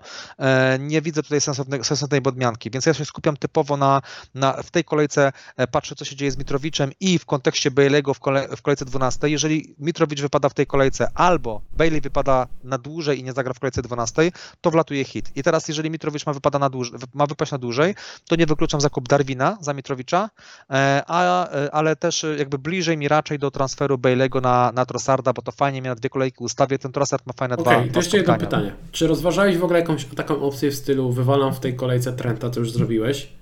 Za tydzień mhm. mógłbyś wymienić Jamesa i wziąć sobie w to miejsce Webstera czy innego Danka, gdyby wypadł też na dłużej. I nagle masz w banku tyle kasy, że możesz na kolejkę 13 e, z Solanki czy tam z Mitro zrobić sobie Jezusa albo Darwina, na, za Bayleya bierzesz Fodena i, i, i w ten sposób idziesz. No okay, I tego hita przenosisz że... na kolejkę może prędzej 13, gdzie będziesz miał już tych zawodników, których, których chcesz e, w składzie na dłużej. No, no okej, okay, tylko w kolejce 12 nie gram, e, mam Mitrowicza i Bailey'ego, dwóch zawodników ofensywnych jest na ławce i nie mam punktów z tego. A w to miejsce robię transfer za zawodnika, który może mi da czyste konto. Mhm. No wiesz, raczej patrzę na takie transfery, takie, które są... No tak, zakładam scenariusz, ten... w, którym, w którym James też może nie zagrać, nie? Oczywiście, natomiast patrzę na ten duży upside, nie? Czyli w momencie, jak kupuję Trossarda na mecz z Nottingham Forest, tam jest szansa na duże punkty. Jak na przykład kupuję Darwina, który ma za chwilkę trzy fajne spotkanie, tam jest szansa na duże punkty. Jak wymieniam Jamesa, żeby wziąć obrońcę, który może mi zrobić CSA, e, to jest bez sensu, po prostu, nie? Jasne. Bo gdybym miał tych zawodników zdrowych, to by była inna rozmowa. Na przykład mam fajnego zawodnika i mogę mieć trochę lepszego zawodnika w to miejsce. To pewnie, tutaj moglibyśmy rozmawiać, tak? Że bez sensu robić to, że to jest dużo mniejsza różnica. Masz fajnego zawodnika, po co robisz upgrade na przykład z Edwarda do Solanki, powiedzmy, nie? I to była kwestia, słuchaj, trzymaj tego Edwarda, czy nie lepiej podmienić kontuzjowanego Jamesa? Wtedy jak najbardziej, nie? Natomiast mm, zdecydowanie nie. Zdecydowanie nie rozważam sprzedaży Jamesa, nawet gdyby wypadł na dłużej, to ja się nim zdajmy później, bo tak jak w tym planie, w którym biorę biorę czy Trossarda, czy nie, to jest za minus 4, więc to w żaden sposób nie przybliża mnie do większej ilości darmowych transferów w kolejce 13. E, ja mogę w tej kolejce zrobić za Trossarda, e, kupić Trossarda za minus 4, w kolejce 12 przetrzymać, zachować transfer i wejść z dwoma transferami w kolejkę 13, w której za darmo mogę mieć dwóch zawodników, za darmo nawet, mogę mieć Fodena i Jezusa, albo Saka i Jezusa, więc to mogę mieć już w kolejce 13. Mhm. Więc w kolejce 13 mam Cancelo, Halanda i na przykład Fodena, Martin Wiesz, to, się tam jeszcze, to, się, to się tam jeszcze zmieni moim zdaniem, nie? Bo, bo wiadomo, Oczywiście, się posypie, pewnie. Ale... Pewnie, że tak, ale muszę wyjść z jakimś planem, więc ja tak. na kolejkę, pomimo, że biorę Trasarda, Persarda za minus 4, to kolejkę 13 wchodzę dwoma transferami i mam pięć zawodników e, z dwóch najsilniejszych ekip, dwóch najlepszych ekip, można powiedzieć. Ja powiem tego, Ci, że rozważam, sezonu. jeżeli by się okazało, że James też wypada na dłużej, żeby wcisnąć, żeby wcisnąć mimo wszystko Perisicza, nim... Ale tobie się, tobie się trochę fundusze przydadzą, prawda? Bo tobie się ta kasa trochę przyda, bo ja mam tego salanki, więc ty musisz, gdybyś sobie uwolnił trochę więcej kasy, to możesz zrobić podobne plany jak ja i możesz I więcej zrobić. I na przykład wtedy, mógłbym wziąć w tej kolejce y, y, Perisicza i Guejego, tylko nie wiem, czy miałbym brał Guejego za hita, wtedy chyba nie, wtedy bym Perisicza za Trenta. Może, tylko że znów, znów miałbym problem, co zrobić wtedy, jak upchnąć tego Trossarda i tak dalej. Musiałbym mocno pomyśleć nad tym, co, E, co zrobić, a, a mam mało czasu, bo możliwe, że dzisiaj transfery będę musiał już jakieś pierwsze klikać, e, więc to mnie trochę, e, to mnie trochę martwi, ale ja bym się zastanowił nad tym, czy mi wszystko tego Jamesa nie sprzedać, ale też nie jestem w 100% przekonany. Słuchajcie, postaramy się odpowiedzieć na jakieś Wasze pytania, natomiast będzie nam bardzo miło, jeżeli klikniecie łapkę w górę pod streamem, jeżeli Wam się transmisja podoba, to zawsze pomaga tym w tych algorytmach YouTube'owych, także byłoby super. To jest pierwsza rzecz. E, druga rzecz jest e, taka, że będziemy prosili Was o feedback w komentarzach pod nagraniem dotyczący tego, jak Wam się podoba analiza w formie takiej dyskusji, którą dzisiaj e, przeprowadziliśmy z Adamem, a nie analizy nazwisko po nazwisku, zawodnik po zawodniku. To jest druga rzecz, o którą byśmy Was bardzo prosili. I trzecia rzecz, już przechodząc w kontekście w kontekście Waszych pytań, było dużo pytań dotyczących tego, czy warto grać e, freehita w kolejce 12. I to jest pytanie, na które musimy odpowiedzieć, bo, bo to jest takie mm, pytanie, które się powtarza. Jak Ty się, Adam, na to mm, zapatrujesz? Bo są osoby, które mają trzech zawodników Arsenalu, trzech zawodników City, albo będą miały trzech zawodników City i Arsenalu po kolejce 11. E, co Ty byś im doradził w kontekście kolejki 12 i potencjalnego freehita? Wiesz to problemem jest to, że jak sobie z reguły na takie kolejki patrzę i patrzę, czy grałbym freehita, to pierwsza, pierwsza sytuacja, kiedy będę potrzebował tego freehita i czy tam więcej z tego freehita nie wycisnę i będą kolejki, w której być może będziemy mieli, znaczy na pewno będą duże, duże kolejki blankowe, w której będzie dużo większy problem, jeżeli chodzi o tych zawodników. Może, tutaj, drugą... może tutaj, przepraszam, że ci hmm. wejdę słowo, ale warto uzmysłowić, bo niektórzy gracze grają pierwszy sezon i nie zdają sobie sprawy z tego, że e, ćwierćfinał i półfinał Pucharu Anglii są rozgrywane w weekend. I są rozgrywane w ten sam weekend, gdy trwa kolejka normalna e, Premier League. I to sprawia, że e, w tych te, te mecze te drużyny, które są na tym etapie Pucharu Anglii, nie grają meczu ligowego, co powoduje blanka. I ja rozumiem, że wiele osób ma na przykład teraz sześciu zawodników, których ich nie, im nie gra i myślą, że gorzej być już nie może. I to jest błąd, bo może być dużo gorzej. Bo jeżeli w ćwierćfinale Pucharu Anglii albo w półfinale e, znajdzie się e, City, Arsenal, Liverpool i nie wiem, jakiś Tottenham albo Chelsea, to nagle się może okazać, i były już takie sytuacje w poprzednich sezonach, że nagle z tych podstawowych 11 zawodników 8 nam nie gra, albo 9, albo 10. Zależy jak będzie wyglądał ten nasz skład. I to będzie poważny problem. I oczywiście część osób mówi, no dobra, ale jest, są, jest, będzie druga dzika karta i tak dalej, jakoś sobie poradzimy. To ja mam uzmysłowie jedną rzecz, jak z reguły w większości normalnych sezonów wyglądała strategia rozgrywania chipów. Yy, układamy skład tak, żeby przetrwać Blanka przed, w gdy jest ćwierćfinał FA Cup, gdy nie gra wiele ekip, układamy skład, żeby przetrwać tego Blanka, czyli kupujemy zawodników z tych ekip, którzy zagrają. Zaraz po tym ćwierćfinale robimy porządek, gramy dziką kartę, którą układamy pod to, żeby zagrać po drodze bench boosta, a gdy i przychodzi półfinał FA Cup, gdy znów ci zawodnicy, których kupiliśmy nie grają, wtedy gramy free hita. I w ten sposób grając dwa chipy możemy sobie poradzić najpierw z ćwierćfinałem, a później z półfinałem. Jak odbieracie sobie jednego chipa, to nadal jeden problem zostaje. Więc jeden problem uda się rozwiązać dziką kartą, drugi nie. I pytanie teraz, e, na ile to będzie warto czekać? Bo niekiedy warto, niekiedy nie warto. Tutaj jest tak naprawdę 50 e, na 50, czy się uda, czy się nie uda. E, jak ty się na to zapatrujesz? Myślisz, że warto poczekać w tym momencie? Czy wiesz, bo to też. Bo wiesz, jaki jest jeszcze problem? Zawsze... Sorry, znowu ci wejdę słowo. Ale okay, jeszcze okay. muszę dodać. Bo E, tydzień temu bym powiedział, że na bank bym nie grał Freehita, nie? Ale dodatkowo w międzyczasie, tak, posypał się Trent, posypał się James, e, nie wiadomo co z Neko Williamsem, nie wiadomo co z Baileyem, e, wiele osób ma Mitro, on się świeci, niektórzy jeszcze mają Isaka, on ciągle się świeci, więc nawet jeżeli nie gra sześciu zawodników, to nie jest tak, że każdy w składzie ma jeszcze pozostałych dziewięciu, tylko często oprócz tych, tych dziewięciu jeszcze trzech się świeci, nie? I co teraz? iść bardziej w stronę okay. freehita, czy sprzątać tych zawodników, którzy są kontuzjowani, a tych zawodników City i Arsenalu zostawić, czy może tych zawodników City i Arsenalu sprzedawać, a tych kontuzjowanych nie ruszać i liczyć, że może któryś z nich zagra? Zacznę trochę od końca, bo właśnie ty podałeś argument dokładnie odwrotny dla tego, co powinno się zrobić. Bo jeżeli mam w składzie kontuzjowanych zawodników, to właśnie nie gram freehita, bo w momencie, kiedy ja po, w następnej kolejce ten skład mi wróci, więc dalej będę musiał zmierzyć się z tymi samymi problemami. Oczywiście, jeżeli to, jest, to są kontuzje takie lekkie tylko na tą kolejkę, gdyby się okazało, że blankuje mi sześciu czy ośmiu zawodników, a trzech wypada tylko na tą kolejkę, znaczy ośmiu to już była masakra, ale blankuje mi na przykład sześciu czy, czy pięciu zawodników, a dwóch, trzech wypada na tą kolejkę, to jest trochę inna sytuacja, ale w przypadku Trenta wiemy o tym, że to będzie dłuższa absencja, e, więc y, wraca potem znowu te same problemy wracają i, i przypomnijmy, że grając freehita w jednej kolejce, w następną wchodzimy tylko z jednym transferem. Nie da się zachować transferu grając freehita, bo w kolejnej mamy tylko jeden. Więc właśnie tym bardziej bym freehita nie grał i nawet kosztem minus czterech posprzątał swój skład trochę, żeby potem wejść w następne kolejki już mając te, te, te kwestie z głowy. A freehit dokładnie cofnie o jeden krok wstecz, wstecz nas takim składem z kontuzjami.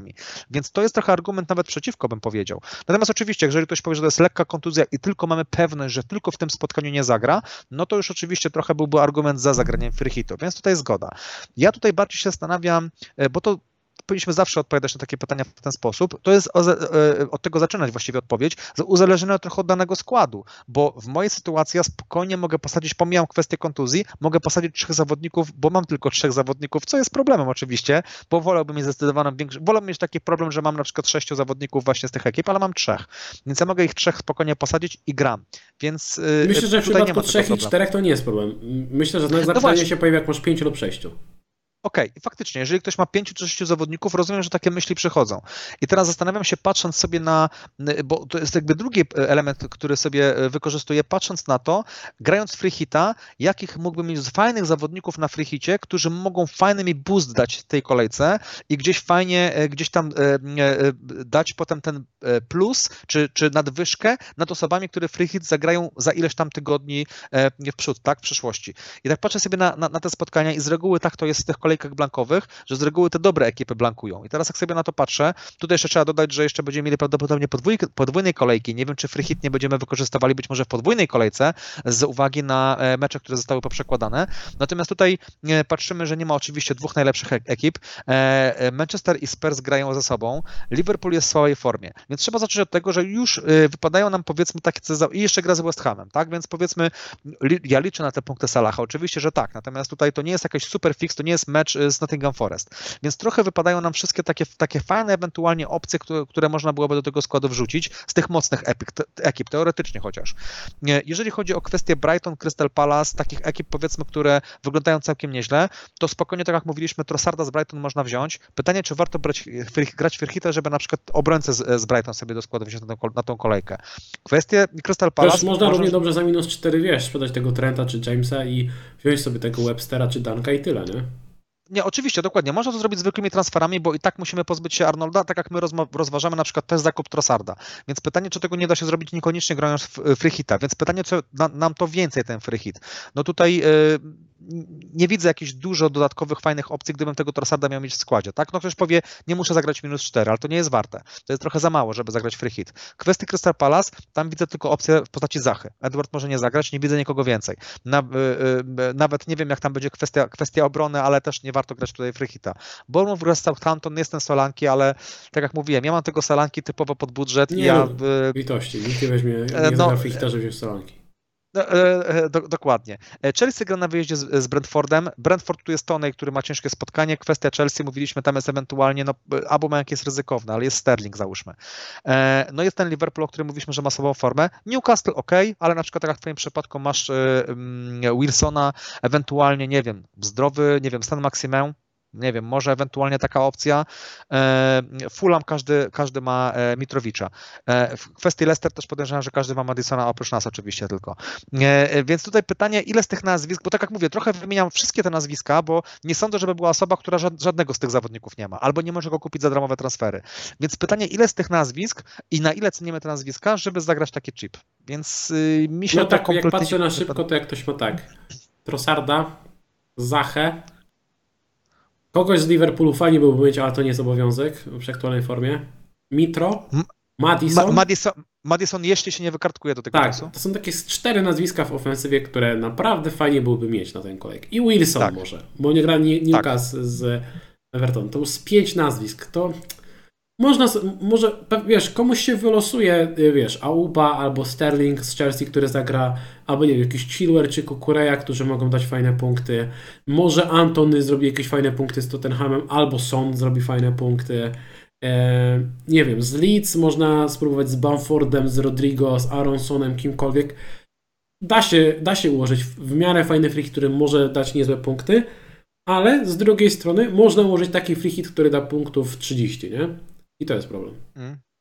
Nie, no, no, dokładnie, dlatego mi się kompletnie nie podoba ani ta kolejka podgrania e, Freehita, no w moim przypadku to już zupełnie, ale nawet jeżeli sobie wyobrażam skład, który ma właśnie kilku zawodników więcej z tego Liverpoolu i z, z Arsenalu, to nie wiem, czy to, to byłoby warte, nawet w kontekście wystawienia nawet 9-10 zawodników. A patrząc e... tak bardziej w skali makro, bo wiesz co, o, o co chodzi? Jeżeli hmm. grasz Freehita w kolejce 12, to możesz w tej kolejce brać na przykład zawodników City i Arsenalu za Salaha, Trenta i Jamesa. I to jest duży plus. Wyobraź sobie, że ktoś na przykład e, nie ma Fodena, nie ma Saki, nie ma Cancelo na przykład, połamał się Trent, to co, wiesz, albo i połamał się James, możesz sobie kupić Cancelo, możesz kupić Fodena, możesz kupić Sakę, możesz kupić Salibę, możesz kupić Jezusa. Wszystkich. Nie, nie kupisz ale, wszystkich. Ale, ale, ale wiesz, jeżeli ktoś ma na przykład czterech takich zawodników i teraz dokupi sobie dwóch, to może być nawet, to może być lepsza opcja, wiesz. I nawet jeżeli ten free hit będzie słaby, to może w perspektywie tych sześciu kolejek, które nam zostały do Mistrzostw Świata, może to się opłaci. No wiesz, w tej kolejce trzeba byłoby mieć ewentualnie dwa wolne transfery, za te dwa transfery kupić tych zawodników, o których wspomniałeś, e, bo przypomnijmy, że w następnej kolejce nie da się już zrobić transferu. Wiesz, jak trenda, to może nawet za hita wyrzucić. No za, ale, pyta, ale, ale znowu pytanie, czy jest optymalne? Czy optymalne jest celowo granie freehita i robić teraz takie ruchy celowo? Nie wiem, jakoś wiesz co, no to, to według mnie nie jest najlepsze rozwiązanie, żeby celowo e, e, jakby zmusić się do zagrania freehita trochę, żeby w kolejce 13 mieć lepszy skład, bo ja widzę taką opcję, gdzie możemy i tak w kolejce 13 mieć fajny skład. Jeżeli ktoś ma teraz kilku zawodników e, City i, i Arsenalu, okej, okay, przytrzyma ich na ławce, nawet tak jak ty rozważasz opcję zakupu powiedzmy tego yy, Saki i w kolejce 12 i tak wystawiasz w miarę dobry skład i w 13 dokupujesz. Nie musisz grać freehita od razu, jak masz taki, taki, taki plan, więc dla mnie to jest trochę marnowanie tego chipu. Gdyby, tak, gdyby ten sezon się kończył w kolejce 16, jasne, tak? natomiast będą dużo lepsze kolejki, żeby to zagrać i w sumie tak bym to podsumował. Będą lepsze momenty, kiedy zagramy sobie w tego freehita i naprawdę on będzie potrzebny, żeby zrobić inne ruchy i wtedy można to po, fajnie poplanować, tak? Bo tutaj, e, natomiast myślę, że chyba większość osób miała na uwadze, że ten blank będzie i nie sądzę, żeby ktoś był, na, nie wiem, z trzema zawodnikami e, Liverpoolu, e, Arsenalu i z trzema zawodnikami e, City. No nie wiem, no jeżeli ktoś taki jest, no to okej, okay, nie? Natomiast pytanie, czy ktoś będzie miał i jeszcze dodatkowo dwóch zawodników mu się świeci Mitrowicz i James, którzy na przykład wypadną tylko i wyłącznie na jedną kolejkę. To mamy już ośmiu zawodników. Mhm. Więc to już podpada, podpada mi Dokładnie. trochę pod Frychita. Nie? Więc jestem. Pytanie, czy ktoś taki w ogóle jest? Czy ktoś faktycznie ma taki Myślę, skład? że jest dużo takich graczy. Bo jak patrzę sobie co tydzień, naj, najczęściej kupowanych zawodników to są zawodnicy City i Arsenalu. Kolejka w kolejkę. Okay, no jeżeli ktoś ma faktycznie sz, sześciu zawodników z tych drużyn, no, I do tego, do tego dorzucasz sobie Trenta, y, Mitrowicz, y, Mitrowicza i Jamesa. No. E, no to jest ośmiu. E, w tej sytuacji Mo, nie, no w tej sytuacji może inaczej. W tej sytuacji faktycznie, gdyby to był taki skrajny, bo to jest skrajny przypadek, nie? bo to już ciężko sobie wymyślić gorszą sytuację. No jeszcze mógłbyś mieć Trenta dodatkowo w składzie i powiedzmy musisz go sprzedać, nie? No ale powiedzmy tutaj to bardziej byłoby za minusy i bardziej po, po frychicie gdzieś, nie inaczej, czyli w tej kolejce za Trenta kupujesz, nie, no nie kupisz dodatkowego zawodnika Arsenalu, ale ani, ani e, e, City, więc to w żaden sposób ci nie przybliża, nie oddala mhm. od frychita, nie? Ale mógłbyś mieć na przykład pięciu i dokupić sobie Cancelo, albo kupić Salibę w miejsce tego Trenta i dobić do sześciu. No ale, to, ale to wtedy celowo to robisz, nie? No ale załóżmy, że masz już tych sześciu plus dwóch kontuzjowanych, to mm. masz ośmiu. Czyli właściwie trzech zawodników masz na ten moment do grania, nie? Więc nawet tak wykorzystasz i masz na przykład jeden darmowy transfer, więc z tych trzech robisz czterech, na, na max, już nawet na, na maksa patrzę z kolejkę 12 i w następnej jeden, to masz pięciu. No w tej sytuacji wydaje mi się, że bym rozważył zagranie Frychita, ale mhm. tylko w takiej sytuacji właśnie, w sytuacji ostatecznej, nie? Mhm. Mm. Czyli w skrajnym przypadku nie wykluczamy, że to może się opłacić tylko, tylko ta kolejka będzie słaba. Nie? Ta kolejka podejrzewam, że może być słaba, e, bo, bo tak jak mówię, tutaj tych no, zawodników, które wymieniłeś... No, tak jak w każdej kolejce. Mhm. No dlatego mówię, jeżeli trafisz, wiesz, ja, ja już kończąc jakoś tę dyskusję, chciałem e, wam podać przykład mój z poprzedniego sezonu, gdzie ja bardzo długo przetrzymałem tego dodatkowego free hita, który otrzymaliśmy z powodu tych e, przekładanych spotkań z uwagi na, na koronę. I był dodatkowy free hit, którego trzymałem i trzymałem i miałem jedną okazję, gdy go nie zagrałem i mogłem zrobić 20 punktów więcej. Drugą okazję mogłem zrobić 15 punktów więcej. Trzecią okazję mogłem zrobić 25 punktów więcej. Przetrzymałem za każdym razem. Za każdym razem trochę się wkurzałem, bo mówię, kurczę, no te 20-30 punktów mogło wpaść. Na koniec zagrałem free hita i ten free hit dał mi 70 punktów więcej względem mojego podstawowego składu, bo to była kolejka e, podwójna, taka trochę przypadkowa na końcu sezonu. E, I udało się po prostu trafić w 2-3 nazwiska i zawodnik na kapitanie zrobił dwucyfrówkę. Wtedy Richarlison, Madison dał fajne punkty i udało się zyskać, ale znów to było trochę szczęścia. E, udało się trafić w nazwiska, ale też trochę ta cierpliwość popłaciła, więc myślę, że kolejka 12 to jest pierwsza okazja, gdzie faktycznie można pomyśleć o frichicie, ale obstawiam, że będą lepsze okazje. Natomiast jak ktoś chce grać już teraz, bo ma taki skrajny przypadek, to myślę, że można grać. E, słuchaj, no chyba będziemy kończyć. Mamy ponad 2,5 godziny.